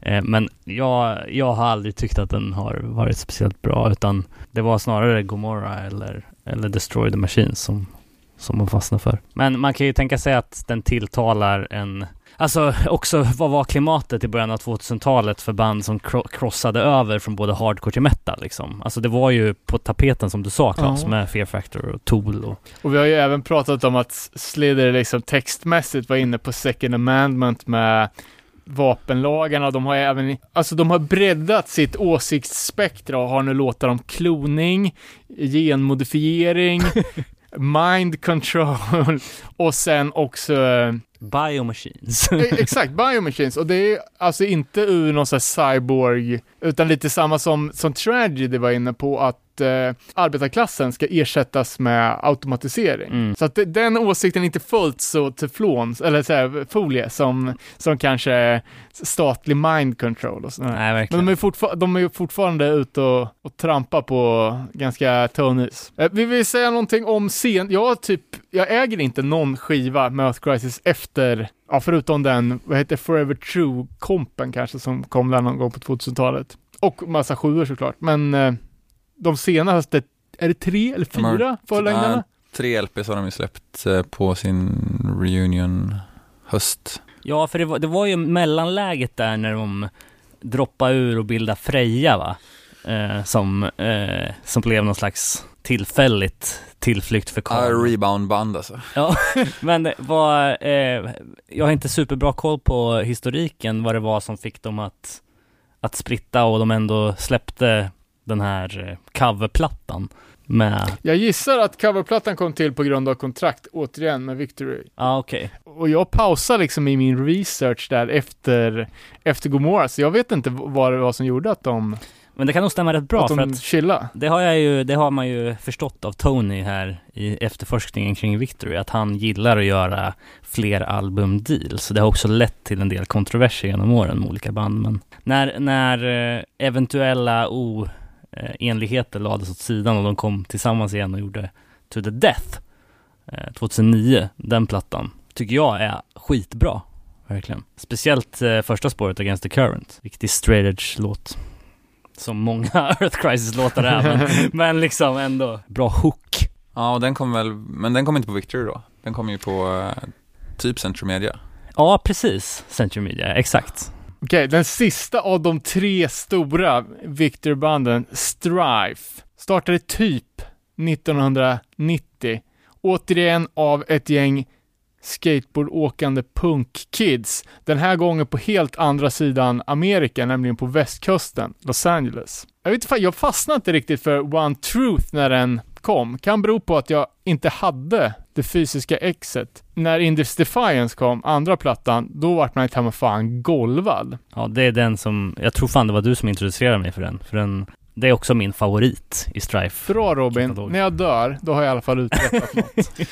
Ja, det har ju, eh, Mitt minne av den är ju att man åker in till Göteborg, köper eh, Victor Style 2, åker hem, sätter på den i CD-spelaren i Onsala. Först går Mars Ends, slutar med eh, I am straight och man bara oj jävlar i min låda. Och sen så kommer ju den där låten på som också är ju straight edge, straight edge, straight edge, straight edge. Det är så mycket straight edge så att det rinner. och det är ju samma vers två gånger också. Så att det är liksom, Vilken låt är det? Eh, Det är ju Force on Change som kommer där då. Så Okej. det är ju eh, I walk the path of true change, conviction held in my name och allt det där. Episk jävla låt alltså. Eller inte episk men det, är, det sätter ju spår i själen som eh, 16-åring alltså. Har du alltid varit Edge? Nej, jag har provat eh, alkoholgrejen typ tre, fyra gånger. Helt värdelöst. Sen så sket jag i det. Eh, men jag menar, ja, man är ju från en eh, liten halvö liksom med 10 000 pers och 0% straight edge. Så man var ju tvungen att kolla läget lite grann. Det var inget kul. Men eh, även eh, första Strife-plattan då, om man ska återvända till den, har ju ett par hits. Eh, Ja, som fan. Alltså, jag återbesökt, alltså återbesökt, nu snackar vi om de, de senaste kanske tio åren då, eh, och håller den svinhögt. Jag tycker att den är hur jävla bra som helst. Men jag håller ändå så med om att den, den fastnade inte så mycket på mig heller. Eh, Det är liksom senare i livet som jag också förstått storheten i den. Ja. Eh, Och om man tänker alltså våra nutida favorit band Magnitude, Eco Strike, Inclination, alltså you name it, är ju dunderinfluerade av Strife. Ja, Eco Strike är ju inte, det är inte ens influens utan det är ju bara att någon har spelat upp låten och så har de lagt lite ny sång på. Det, through and through finns det ju, alltså det, man, blir, man blir förbannad. Man blir glad. Ja. Strife då bildas av ett gäng punkkids som vissa spelar band, eh, klassiska punkband, men av olika anledningar så halkar de in på, på straight edge och ville starta ett straight edge band. Uh, och de var ju alltså, i Los Angeles så fanns det typ ingen hardcore-scen att tala om. Uh, så de fick, de hookade upp med, med de, de som fanns helt enkelt. Och Andrew som spelar gitarr kunde inte spela men han var nykter så då fick han, eh, då fick han haka på, mm, på, ja, hänger på grabben en gitarr och sen är det, sen var han med. Och jag vet inte om ni har lyssnat något på Strifes till exempel demo eller första sjuor, alltså de var inte superbra i början. Det är ju någonting de framhåller också ganska ofta, att de var ruttna i början. Eh, de bildades som, som eh, Stand As One, eller X Stand As One X. Eh, inte att förblanda med det tyska bandet Stand As One som jag råkar ha köpt av misstag, som är asdåliga. Men ett litet så här, mått på hur mycket de tyckte själva att de sög i början. Eh, efter att ha gjort en spelning som Stand As One, som gick så jävla dåligt, eh, så var de liksom tvungna att sudda ut sin historik, så att de bytte namn. Försökte vara några andra helt enkelt. ja, jag skulle önska att fler band hade den insikten att man skulle klippa lite grann, lite då och då, börja på ny kula. Mm. Det är en nyktert beslut. Men undrar om det finns något rörligt från den tiden? Det här var alltså tid, sent 80 eller tidigt 90? Ja, de började, s- började 90 tror jag. Eh, Okej. Första demon är från 91, Stand As One demon. Den, den gavs ju ut som sjua på eh, Indecision, tror jag, här för inte så jävla länge sedan. Eh, och namnet Strife då, det kom ifrån att, eller de har sagt nu i alla fall, att eh, det var deras strävan efter att få göra gigs. För tydligen så var de rätt utmobbade som ett LA-band.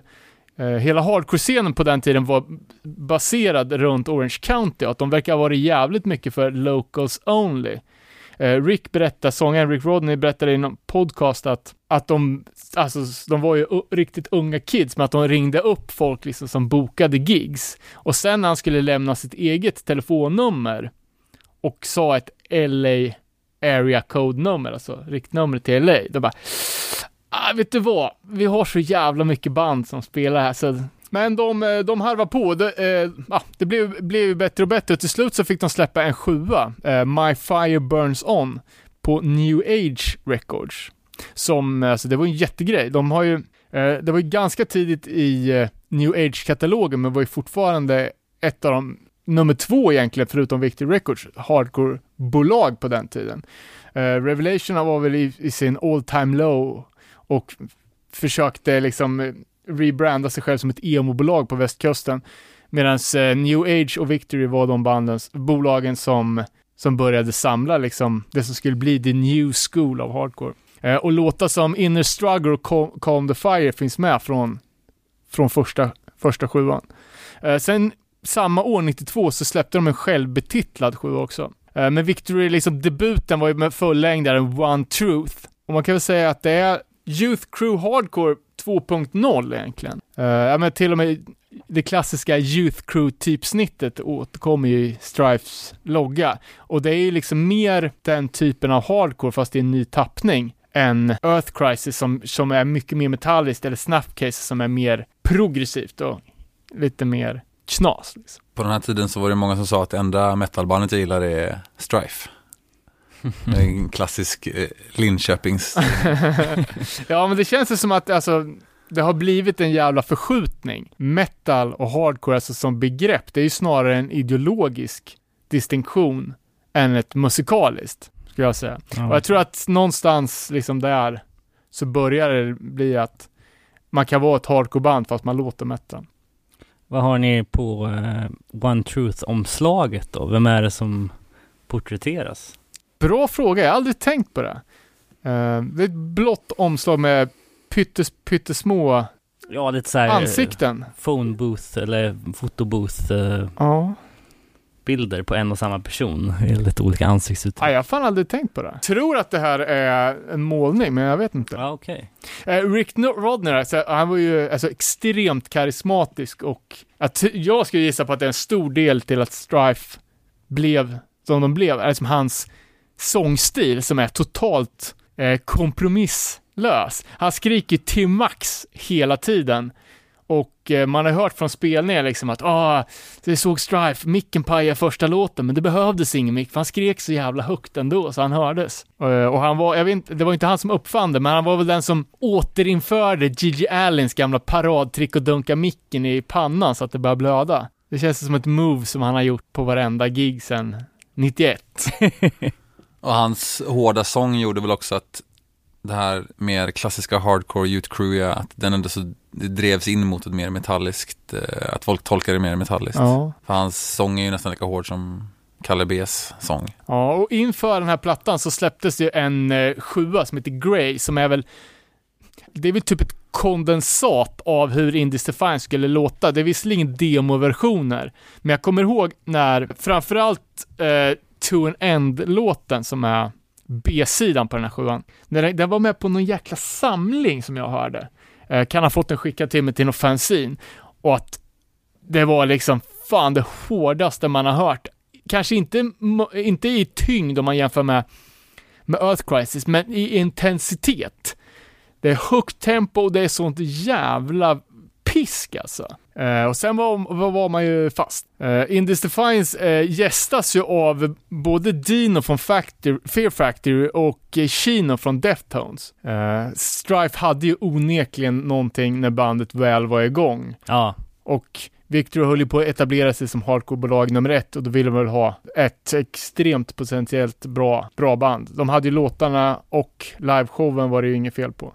och också Strife, precis som Earth Crisis och Snapcase, band som väldigt aktiva i turnésvängen på 90-talet. Och Framförallt, och ett edgeband som, eh, det har vi nästan glömt bort, men det var ju nästan ett eh, genomgående tema på de banden som släppte på, på Victory Records början. mm. Om man undantar till exempel Hi-Fi and the Roadburners och så vidare.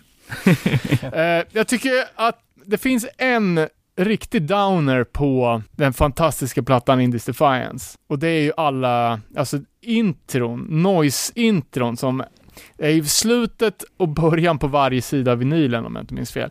Vilket gör att skivan blir sjukt hackig att lyssna på.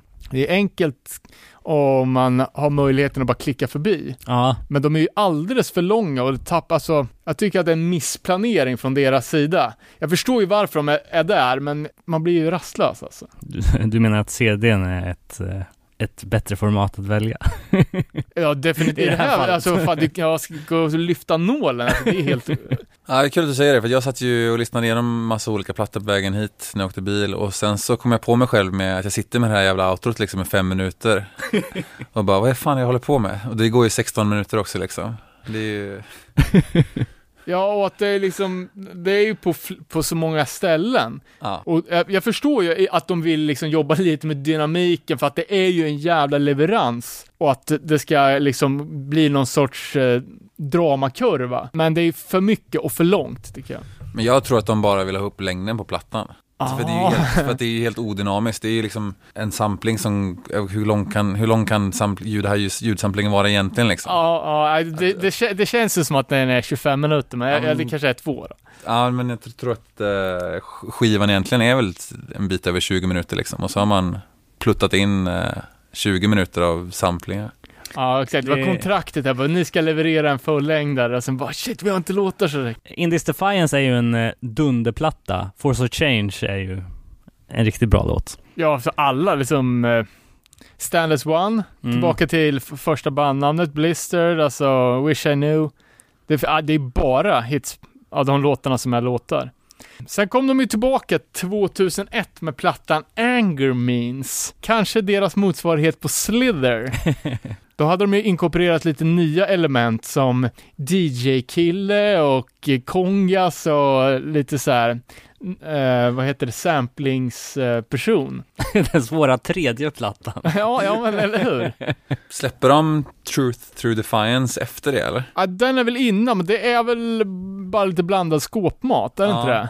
Men det är några jävligt bra låtar där. Det kanske är en, jag kommer inte ihåg vilka som är med på den här. För det är ju lite gamla låtar och eh, andra inspelningar på, på tidigare utgivna. Där har de ju också någon gäst med gamla fa- favoritbandet Downset. Mm. Eh, det är någonting om world domination och habla habla. Eh, men, eh, men en del bra där ändå tycker jag.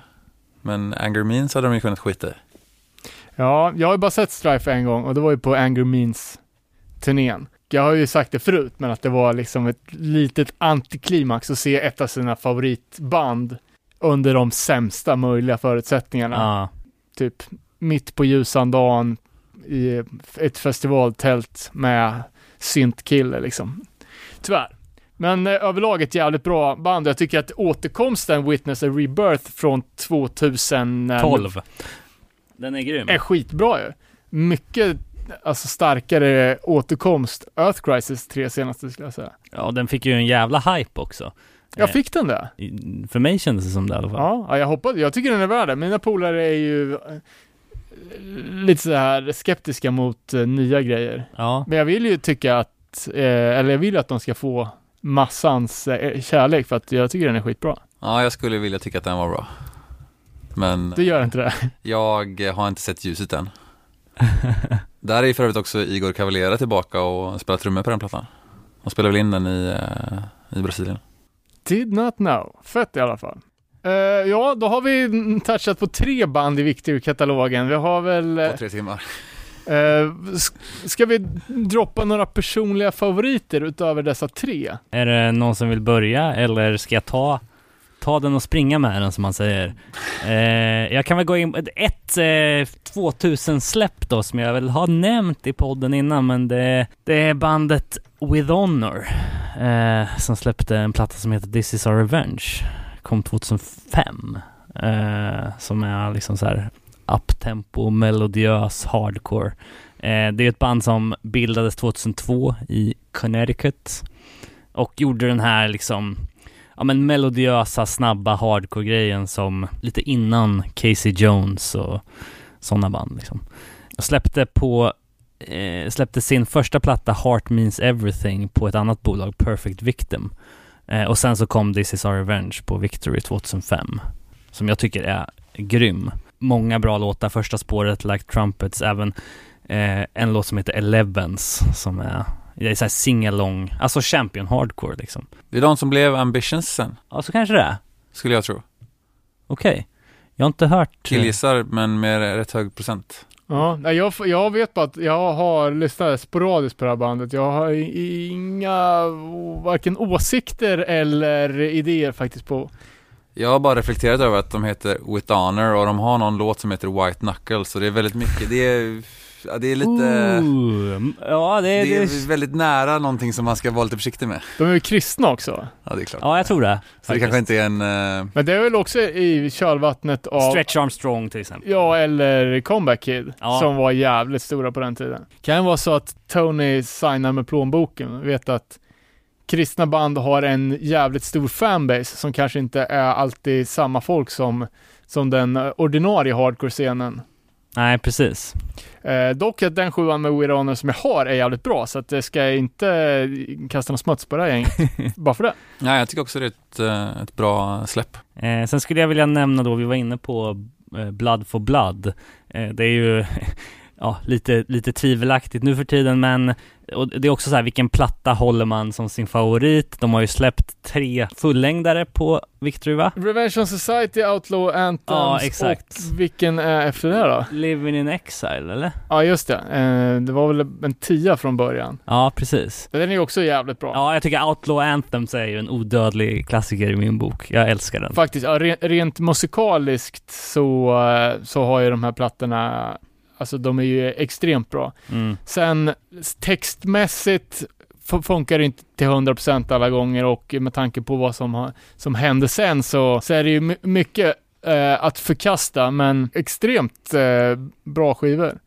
Eh, Jag tycker utvecklingen också fr- från att vara på första plattan total självmordsångest Mm. Alltså neglect möter sheer terror möter eh, något ännu deppigare. Kent. Shining, eller? Shining, ja. Fan. Nej, men Eh, exakt. Nej, men men eh, Revenge on Society är ju, stö- alltså den är ju lite catchy och Outlaw Anthems är ju ren brocore. Ja, liksom. Det är ju verkligen. så jävla trevligt. Och Liksom. jag, är- det är man ju sjukt svag för, så att... eh, Men eh, vi, som vi var inne lite på, att just det här med white trash-konceptet, liksom att de, ta, att de blir flaggbärarna av white trash. Jag, vet, jag kan inte komma på några som har titulerat sig själva det tidigare. Nej, inte jag heller. Att de tar det och äger det på något sätt. Precis. Och sen eh, en, en annan som jag vill bara nämna, det är ju eh, det kända eller ökända bandet Hoods som har släppt på Victory. Eh, Time the Destroyer är väl eh, kanske inte deras bästa släpp, men, men ett av de bästa i alla fall, tycker jag. Och även eh, plattan som kom därefter ja, just det. Vad fan The King den? is dead. Just det. Som handlar om Victory Records, kungen är död. Precis. Kanske vi kan utveckla lite senare. Eh, nej men det är några så här som man vill nämna, men sen så finns det ju jättemånga andra bra plattor som liksom, som jag lyssnar mycket på, Boys Sets Fire. Alltså det är en omöjlig uppgift att ta sig an Victory Records i ett avsnitt. Alltså jag, jag skulle knappt prata med om de flesta släppen egentligen. Det finns så jävla, jävla mycket bra. Verkligen. Och under en, alltså nästan en 20-årsperiod är ju allting. Klas, har du några favoriter? Victory-favoriter som vi inte har nämnt? Ja men några lite oväntade eller mindre i blickfånget skulle det vara då, Boys It's Fire. Ja, Jag kan inte uttala plattans namn, men After the, Ja, eulogy eller eulogy eller något sånt. jag vill inte ha Göteborg på mig liksom. Nej, precis. Eh, men den är ju fantastisk, det är någon form av eh, tokrevolutionär eh, skiva som kom precis före eh, 11 september också tror jag. Mm. Så att det fanns fortfarande utrymme för att vara så jävla vänster. Eh, och en annan skiva som jag fullkomligt älskade när jag var kid och som formade mycket av min politiska uppfattning var ju By the Grace of God, Perspective. Som jag tyckte var fantastisk. Som fick mig att ja, men, tänka utanför bara de här basfrågorna ja. eh, inom... Intressant. Jag har typ inte lyssnat så mycket på dem. Eh, känns som att de trampar lite i Refuseds eh, marker, eller? Ja, fast liksom de var ändå så, jag, jag tror de är helt oberoende av Refused för de, det är ju de snubbarna som var i Endpoint liksom tidigt, tidigt 90-tal. Jaha, fan det visste jag inte om. Men sk- skitcoolt band, snabb, melodiös, eh, hardcore, jättepolitisk och eh, eftertänksam. Har någon lång, det är någon poet som eh, håller någon, eh, ja men någon långt tal efter den här skivan som handlar om att han trotsar liksom amerikansk imperialism och typ allt med amerikanska samhället. Svinfett.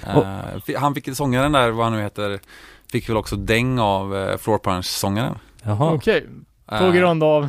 Jag tror, alltså nu blir det jävligt eh, svag, nu blir det väldigt svag is, men det, det, är någonting att göra, det har någonting att göra med att By the Grace God eh, var ett, hävdade att straight edge var en icke-våldsrörelse tror jag. Jag kommer inte, nej men det här blir för, eh, Ah, det här blir right. för vagt, men, men det, det har, någon har fått stryk av någon annan som är någon jävla banksnubbe som eh, är republikan. Han kan skita på sig. Eh, Men, intressant. ja, det, men det är också liksom snackar om eh, eh, Boys Fire som, eh, som har liksom kommunistiska partiet USA utskrivet i, i sitt skivkonvolut och nu By the Grace of God om de är liksom eh, med vänsterrevolutionärer. Jag gissar ju att Tony gör liksom att han ger, att han inte är in och petar i vad band ska tycka. För i Sverige så är det ju självklart, alltså det är ju så jävla säkert och eh, vara, alltså refused vänster i Sverige. Men i USA så är det ju typ lynchstämning. Även inom hardcore-scenen. Så att ett band som Boys Fire kommer ut som kommunister är ju jävligt kontroversiellt i USA. Verkligen. Ingenting som man får några pluspoäng för. Absolut inte. Utan det är ju kraftig motvind. Eh, Så det gör ju det mer ärligt också. Det var intressant där med By the Grace of God, för den fullängdaren som du pratar om eh, är Perspective. Ja. Ja. För de släppte väl någonting på Victor innan som heter For the Love of Indie Rock? Ja, precis. Eh, Jag tror det var men det, var det som, med det som samma skrämde sound? bort eller? mig. Alltså, ja, det är fortfarande en fortfarande- snabb, eh, ösig, melodiös hardcore. Också skitcool skiva. Ja, ja jag Eh. borde fan, jag ska ge det en chans. eh, fler favoriter? Jag kan sticka emellan med en då. Ett band som, eh, som var nummer tre av band att släppa på Victor faktiskt och det är ju mina husgudar Integrity. Eh, som har gjort extremt många bra grejer under Victor Flagg. Eh, från början så släppte de ju eh, In Contrast of Sin, kom väl i luven på Victor Records av någon anledning, jag vet inte varför. Eh, så den plattan vart ju också indragen efter eh, ganska kort tid.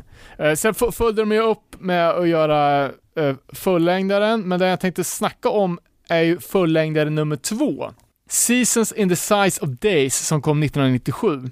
Eh, och det här är ju eh, kontaktlinser och mustasch-eran av, eh, av Integrity, också när de spelade i Sverige första gången. Eh, och här, det är ju samma dröm-lineup på Humanity is the Devil, det vill säga med Melnick-brorsorna, Frank Threegun, eh, som även har spelat med Hatebreed, Ringworm och Terror.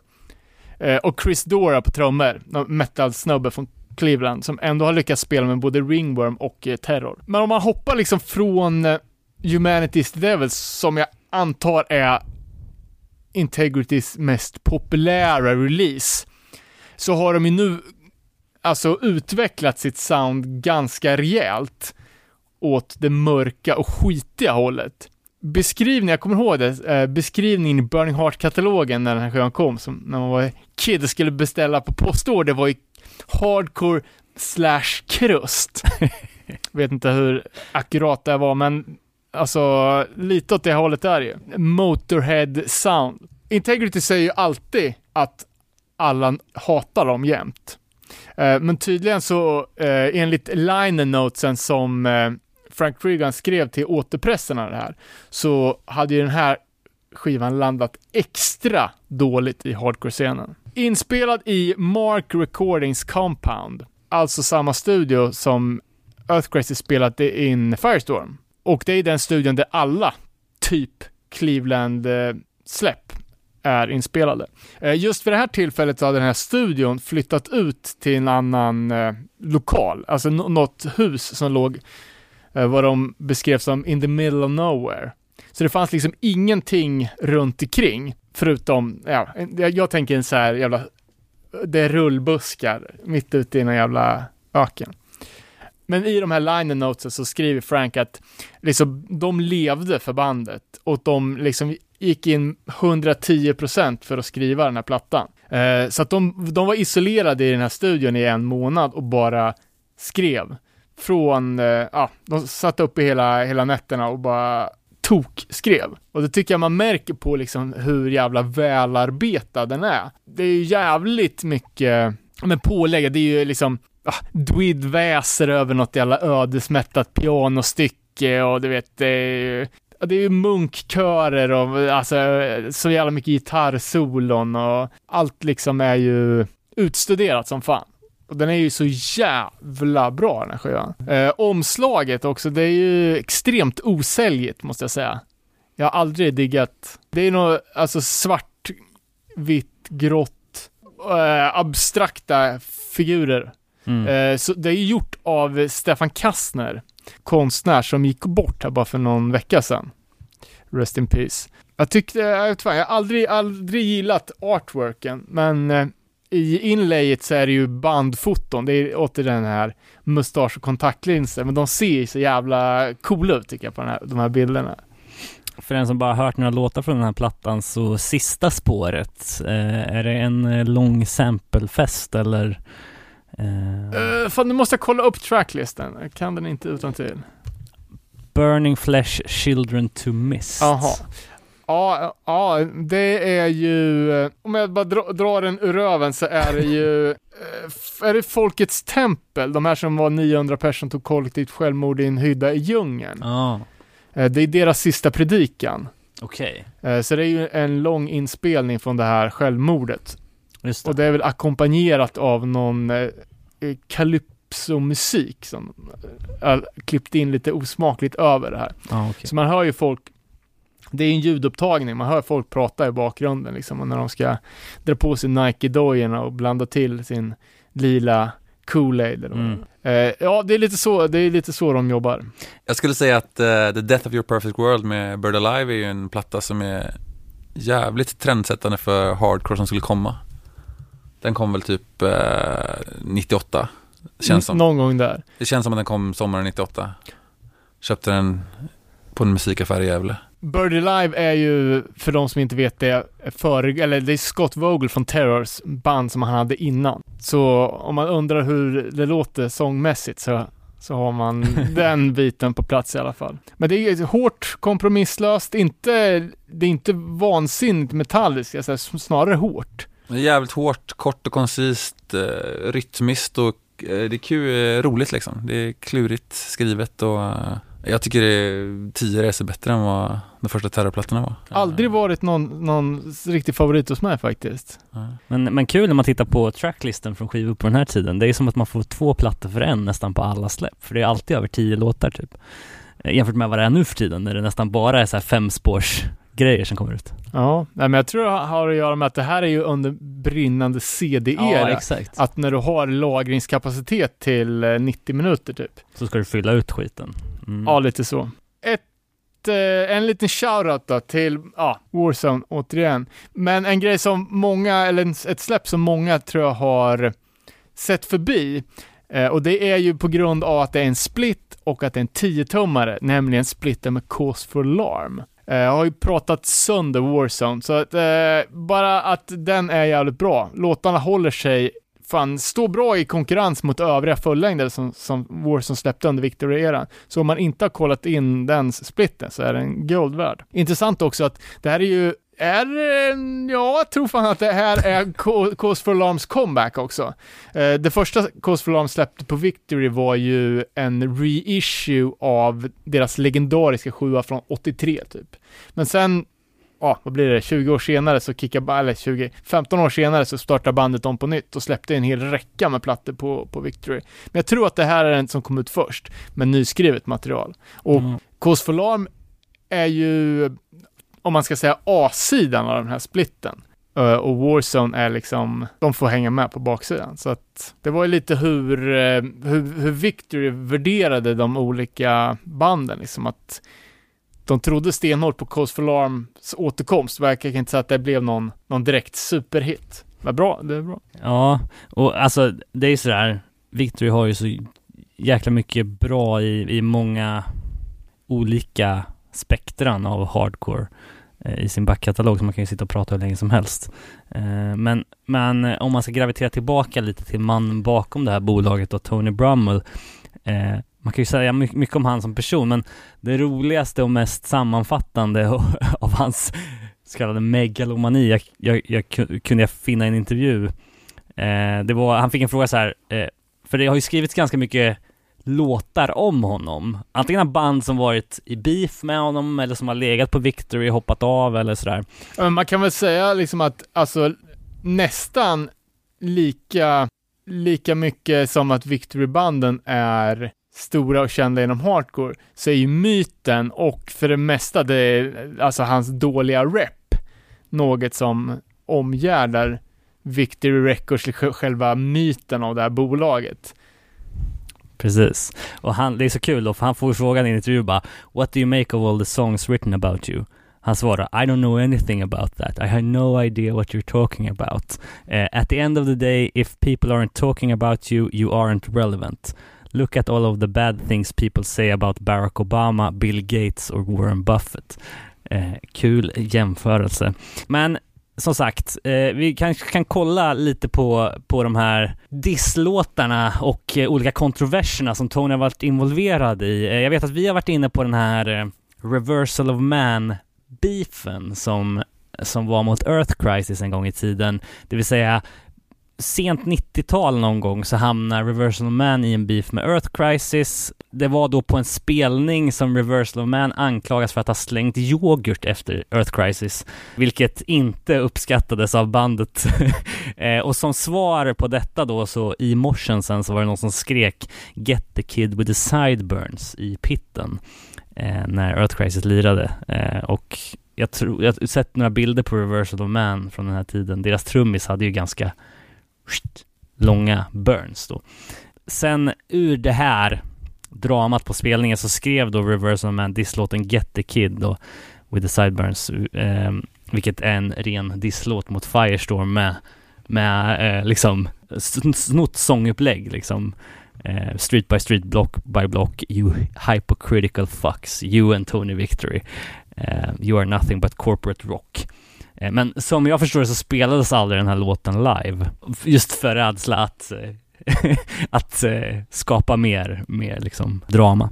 Good Clean Fun som vi har varit inne på tidigare. spexband, men har också gjort en hel del jävla bra grejer. Eh, men alltid med en komisk touch. Skrev ju den här VRS, eh, Victory Records Suck. Sonon ville ju ut på Victory Records, Ja, var väl tanken från början. Tony tyckte inte att det var en- ett kul skämt. nej, Alla i personalen på Victory Records tyckte dock att det var kul, har jag hört. Åh fan. Men även där en, en diss mot det här storbolagstänket eh, tänket som Victory gick allt mer åt. Och de har ganska roliga gang vocals i den låten. Jag har för mig att de sjunger om att de är på väg till en spelning typ. Alltså bara We walked uphill eller något sånt Both där. ways. Ja, exakt. Sen det gamla trashcore-bandet Charles Bronson. Eh, de har gjort lite olika Victory-dissar. Eh, det började väl med låten Standing in front of Bulldog Records och sen så gick eh, vidare till Tony Victory knows how to party. Mark McCoy som sjunger i Charles Bronson är, alltså, ha- har ju lite den här GG-vibben, eller GG-vibben i att han hatar allt typ. Går i clinch med allt, men, men Tony Victory verkar vara Ett hatobjekt. Ja men det är, så, Ja. det är lätt, lätt target också Ja. att sparka, sparka uppåt. Men jag vet vad, jag har aldrig lyssnat på Charles Bronson, men satan vad dåligt det var. ja. Han är så jävla ruttet alltså.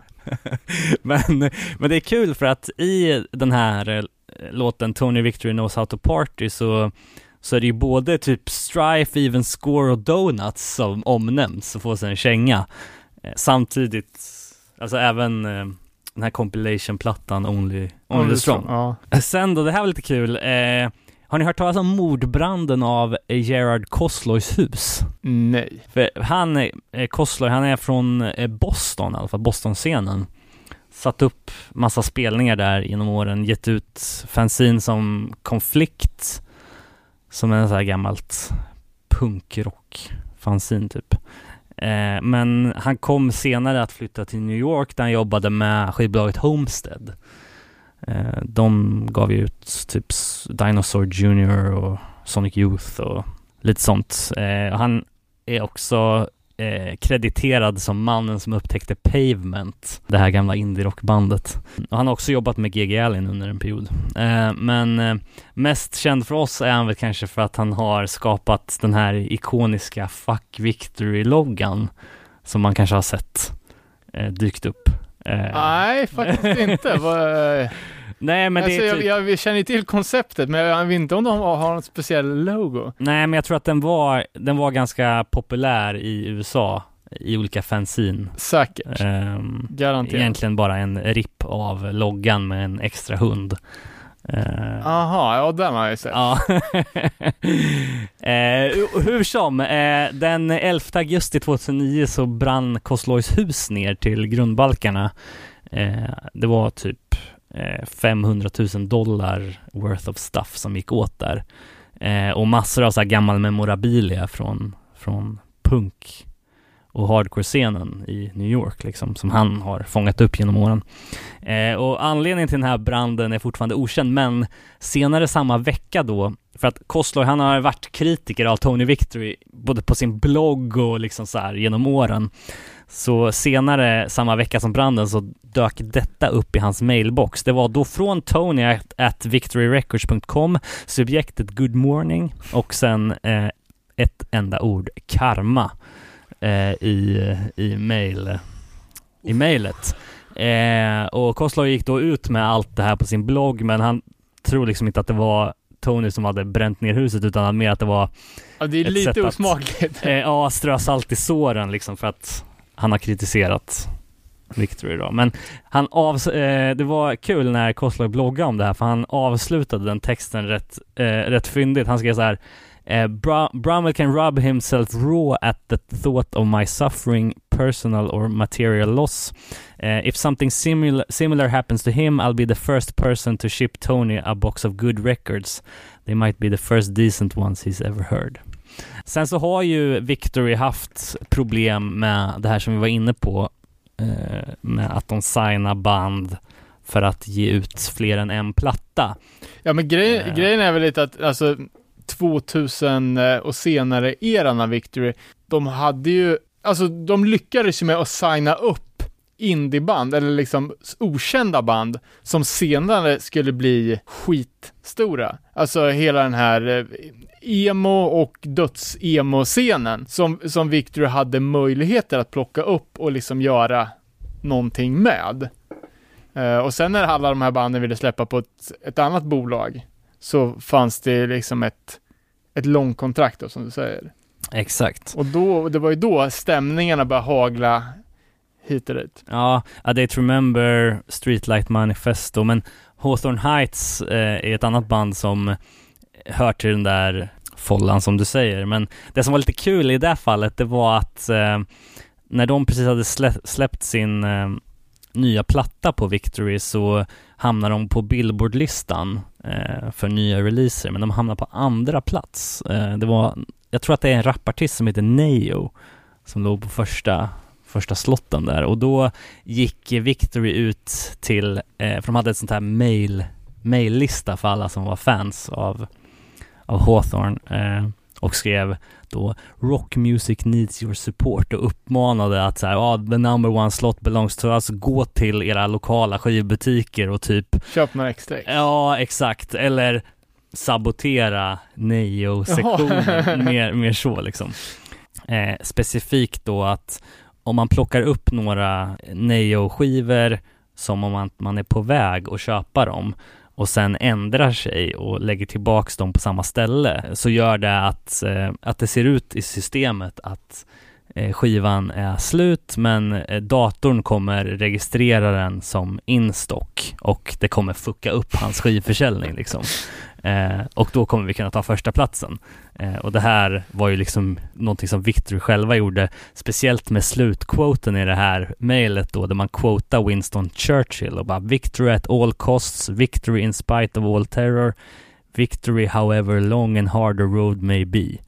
For without, without victory there is no survival. Bandet själva var ju ganska upprörda efter det här och det blev en, en, en stämning även där då. Eh, Men det är bara lite så här fulspel som, som Brummel ligger bakom. Ja, men äh, han är ju notoriskt ökänd för att dels, ja men inte betala ut royalties. Jag tycker varenda band man hör har ju någonting att, ja men säga bara, vi fick inte en, eh, vi fick inte ett cent på våra Victory-skivor liksom. Nej, precis. Även band som har legat på Victory och sen kommit tillbaka. Ja, men det har ju varit en hel del rättsprocesser och många band som, eh, som har eh, sagt sig blivit rippade av Victory Records. Bland annat Atreyu som de eh, säger sig ha, ha, ha 700 000 dollar i obetalda royalties. Sen var ju Victory inom beef med Spotify också. Eh, också gällande royalties. Jag fattar inte riktigt hur den här grejen gick till, men tydligen så finns det ett, ett företag som räknar på streams och royalties, hur det ska betalas ut. Eh, och enligt någon källa då så, så var det 53 miljoner streams på Victory, Victory releaser som inte har blivit utbetalda några royalties från Spotify till Victory Jaha. och, och därför inte liksom sipprat ner till banden. Som jag fattar det. I slutändan så lever väl Brummel ganska gott idag då nu när de har sålt Victory eh, för en ganska eh, angenäm summa. Eh, Ja, det är, det är ganska märkligt. Jag vet inte vad vi kom fram till sist vi pratade om försäljningen av Victory Jag Records. för mig att det var typ 25-30 miljoner dollar alltså. Ja, jag tror också det är 30. Ja, Mm. tre- 30. Men liksom hur det värdet har räknats fram och hur det här Concord Records har tänkt att det här ska betala tillbaks sig också. Ja. För att det är inte såklart. Eh, dels så hade Concord redan köpt rättigheter till många av de bästa, eller royalt, eller vad fan heter det? Ja men alltså licensägandet av många av de viktigaste banden. Men eh, alltså det är ju ren kapitalism, så jag antar att de inte gör det på kul, utan att det finns nå- någon typ av återräkningsplan på det här. Mm. Och som jag förstod det så fick ju Tony behålla jobbet och personalen. Ja, jag tror att, nej, Tony är, bortkopplad Ah, okej, och helt. att hela personalen kommer jobba åt Tony Ah, okej. med hans andra grejer. Okej. Eh, Så han, han... fastigheter till Ja exempel. just ja, det var så det var ja. Management of eh, capital och, ja precis. Jag kommer ihåg att vi läste det där någon. Så att eh, liksom, eh, alltså Victory har ju det, så det som folk och band har gillat med Victory är ju att det har varit drivet, alltså personalen har ju alltid varit scenfolk. Eh, och att, alltså personalpolitiken har ju varit så att Tony Brummel har, har omgett sig med folk som faktiskt brinner för musiken och banden. Och däremellan k- kunnat liksom, alltså kalla det för agera oproffsigt, men alltså litat på att folk ska vara 24-7 tillgängliga av ren hardcore-pepp. Mm. Och att, eh, alltså det har skrivits om folk som har jobbat där, liksom att, att arbetsförhållandena har varit ganska sjuka och liksom att han har ja, men ringt upp folk mitt i natten pissra, dyngrak och vill skälla ut dem för någon, någon, liksom, någon detalj som han har kommit på liksom, på, på natten Någon felstavad tweet. Ja men eh, sådana grejer. Eh, och vi har ju faktiskt en eh, intressant Sverigekoppling till Victory Records också. Att Daniel Tivemark har ju varit, jag tror han var chef för Victory, Victory Europe under, under en tid. Eh, och jag, frå, jag försökte ju pumpa honom på lite, jag tänkte att det här måste ju sitta på den där juicy details. Men han sa i alla fall att han hade haft eh, att det hade varit en jävligt rolig tid på Victory. Och att uh, få, få jobba med band som Hayton Heights och eh, uh, Atreyu så att det hade varit skitgrymt. Det kan jag tänka mig. Det var ju i heydayen för de banden liksom. Ja, ja, men precis. Och för Victory, liksom, vi, vi sitter och snackar om 10 000 extra Firestorm, men de, det här har ju varit, alltså, de senare årens Victory Records har ju varit så extremt mycket större än hardcore. Mhm. Lite svenska band som har släppt på Victory då kanske. För utöver Donuts som vi var inne på tidigare, eller eh, Refused. Refused, var vi inne på Donuts? Jag Ja, vi nämnde väl det som ett av de tidigare f- fullängdssläppet med Ja. Circle va? och även Feel Me Bleed. Turnerar med Snapcase. ja exakt. Det var så, jag, så det var ja. Songs to fan the flame of discontent. Snott från uh, Joe Hill uh, det. sångbok va? Ja, så- ja eller poesi till och med va? Så var det. Ja, 96 kom den här plattan i alla fall. Är det en, ett ex som ni äger fysiskt eller? Ja, absolut. Det här är ju en eh, bibel för mig helt klart. Definitivt en av de skivorna som formar min identitet som tonåring. Och ju som eh, man absolut inte kom i kontakt med från eh, Victor Records. Utan Nej, kom ju- precis. Jag har också eh, CD-versionen och eh, LPn från Star Trek. Ja, Så jag måste ju ha LP även från Victory också nu för att komplettera. men det som är rätt sjukt med den här skivan är ju att första gången jag kom i kontakt med den så är det ju typ via Voxpop eller liknande. I, alltså i svensk, eh, ja men SVT och eh, ja men det är Clawfinger på tv, det är Refused på tv. Just det. Men hade du hört Refused innan? Ja, absolut. Ja. ja. Cheap Shots 1, Ja. Burning Heart Records. Men eh, för jag tänker ju att alltså eh, Victory-banden, Earth Crisis och Snapcase eh, turnerar ju i Umeå som var hardcore capital av i alla fall Europa. Och vi har ju dragit den parallellen att per capita så var det hardcore capital of the world ett tag. Och alltså de kom ju, kom ju därifrån chockade. Här uppe är vi fucking poolcirkeln och de har den här scenen och de här banden. Och det var ju såklart därifrån, alltså Donuts blev signade på Victory, liksom att banden hade varit där och blev helt chockade över hela grejen. Eh, och Refuse som var det ledande bandet i Umeå, liksom, klart att de blev signade på Victory, men frågan är hur den här plattan landar i USA. Alltså det här känns som att det är lite för tidigt för, för Refused eh, liksom internationella karriär. Everlasting kommer ju väl på eh, Equal Vision. Så det tror jag fan var senare. Men den kanske alltså. släpps senare. Ja, jag tror väl att eh, LP-versionen som, som kom på, på Equal Vision. Så ska jag inte säga. För det är ju också liksom ah, ett band som har utvecklats alltså till gigantiskt. Liksom vi, vi snackar om eh, eh, st- stora, störst i Sverige absolut och eh, säkert ett stort band i, i Europa men ingenting var, var mo- mot vad de skulle bli liksom efter att de faktiskt hade lagt ner Nej, när det blev astronomiskt stort och betydelsefullt. Så det var kul att veta liksom hur, hur den här plattan faktiskt landade. Mm. Och just med liksom som det politiska vi, vi pratar om liksom att eh, Refused kom ur en, en hardcore hardcore scen men hade liksom det politiska engagemanget som inte synkar med hardcore hardcore scenen utan som, som mer synkar med, ja men, liksom den mer anarkistiska punksidan av hardcore. Som gjorde att de inte var liksom riktigt i synk med sin amerikanska publik och som också gjorde att de ja, men tappade peppen på den delen av hardcore. Att de var besvikna på att se hur, alltså det eh, klassiska straight edge Victory Records-publiken, att de inte var med på noterna, utan att det var, de de kunde inte identifiera sig med peppade en helt annan typ av musik. Ja, de såg ju helt annorlunda ut också. Och bara en sån grej gör ju ganska mycket. Ja men det är liksom att Refused gick från klassisk hardcore 90-style 90 med, med baggy jeans och kom hem avtända på det och liksom fick starta om efter besvikelsen av USA. Det var så jag, jag fick, fick för mig att det var från den, är, väl, är det Strage-intervjun kanske? Ja, det kan nog stämma. Och det är första gången jag, jag hörde om det, liksom, hur det kom sig att de liksom, ja men, blev det Refused skulle bli sen med, så hela, Shape of Punk to come. Och, ja men typ, mm. steget bort från traditionell hardcore, att, att göra något nytt liksom. Men det är väl ändå, jag vet inte om det är sant eller inte, men Refused var väl stort i Sverige på den här tiden, jättestort. Alltså kunde spela Kungsbacka och dra 500 pers. Liksom. Mm. Men ute i Europa så fanns det väl andra svenska hardcoreband som var pissstora. Mm. Typ Abinanda. Som kanske drog tusen pers i Zagreb eller någonting. Mm. Eh, men jag tror inte Refused gjorde lika bra ifrån sig i i Europa heller. Liksom. Mm. Ja, jag tror att typ som en underdog som Misconduct sk- typ skulle kunna vara bra mycket större än Refused också. Men det är också en, en höftning, men uh, det här känns som ett kanske en uh, Refused special någon gång i framtiden. Ja, kolla upp hur fan det var med det här egentligen. Men, nej, ska vi runda, runda pucken eller? Ja, det var lite om eh, Victory. Fått nämna några favoriter, eh, lite viktiga liksom släpp för bolaget i sig eh, och eh, ja, inflytelserikt, minst sagt.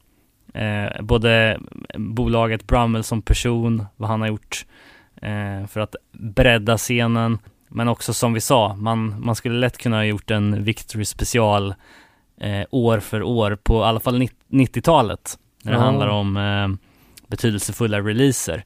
Ja men precis, och, och just liksom den impacten många av de här släppen har haft. Dels på grund av tillgänglighet i en tid när det var svårt att få tag på grejer och att Victory Records-plattorna fanns ju att köpa och det gjorde inte alla New Age Records. Liksom, hur mycket har det bidragit till att man, man hade hela Victory-katalogen och köpte dem liksom osett, bara det kom ett nytt släpp liksom. Och att släpps i många gen- genrer under det så kallade hardcore-paraplyet, paraplyet, men även på an- andra grejer som punkband och liksom skaband till slut och, och sen för att gå mot vad fan som helst. När det gick riktigt illa. Veckobandspopnamn. Ja, precis. Eh, Inga nämnda, inga glömda. Nej, precis. Eh, Band Name Generator Band. Eh, vet vi vad eh, Victory Records ha, kommer ha för verksamhet nu i och med att de har blivit uppköpta? Kommer det bli en reissue-bonanza här endast framöver eller kommer de signa nya under? Alltså jag hade ju en spaning på att de skulle sluta med reissues och jobba med nya grejer. Men sen hörde jag att Victory inte skulle, skulle släppa nytt. Men jag vet fan. Men eh, vi, eh, vi får väl eh, bara säga stort tack till Claes för att du var med.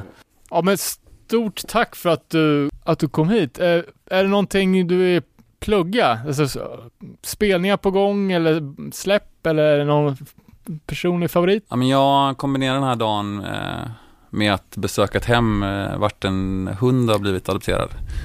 Eh, som heter Donna. Jag hjälper en organisation som heter Hope for Podencos med hemcheckar. Så är man intresserad av att adoptera eller skaffa en hund så tycker jag man ska kolla in eh, hopeforpodencos.com eller eh, snabla hopeforpodencos på Instagram. Så ska man se massa fantastiska hundar som eh, söker eh, husse eller matte. Eh, och vill man ha, mer, har man mer frågor om det kan man kontakta mig, ni hittar mig. Tack! Tack så mycket. Eh, och vi är tillbaka igen om två veckor. Då med nya grejer i pipen. Så länge så kan ni alltid mejla oss feedback på nerepanol@gmail.com. Kolla in oss på Instagram at nerepanol eller bara kolla in oss på Facebook. Nere på noll podcast tror jag den sidan heter. Bra så, eller hur Danne? Ja, och som vanligt så får gästen önska utgångslåten, men du behöver inte bestämma dig på en gång. Vi Tack kör för något. oss. Ha det bra!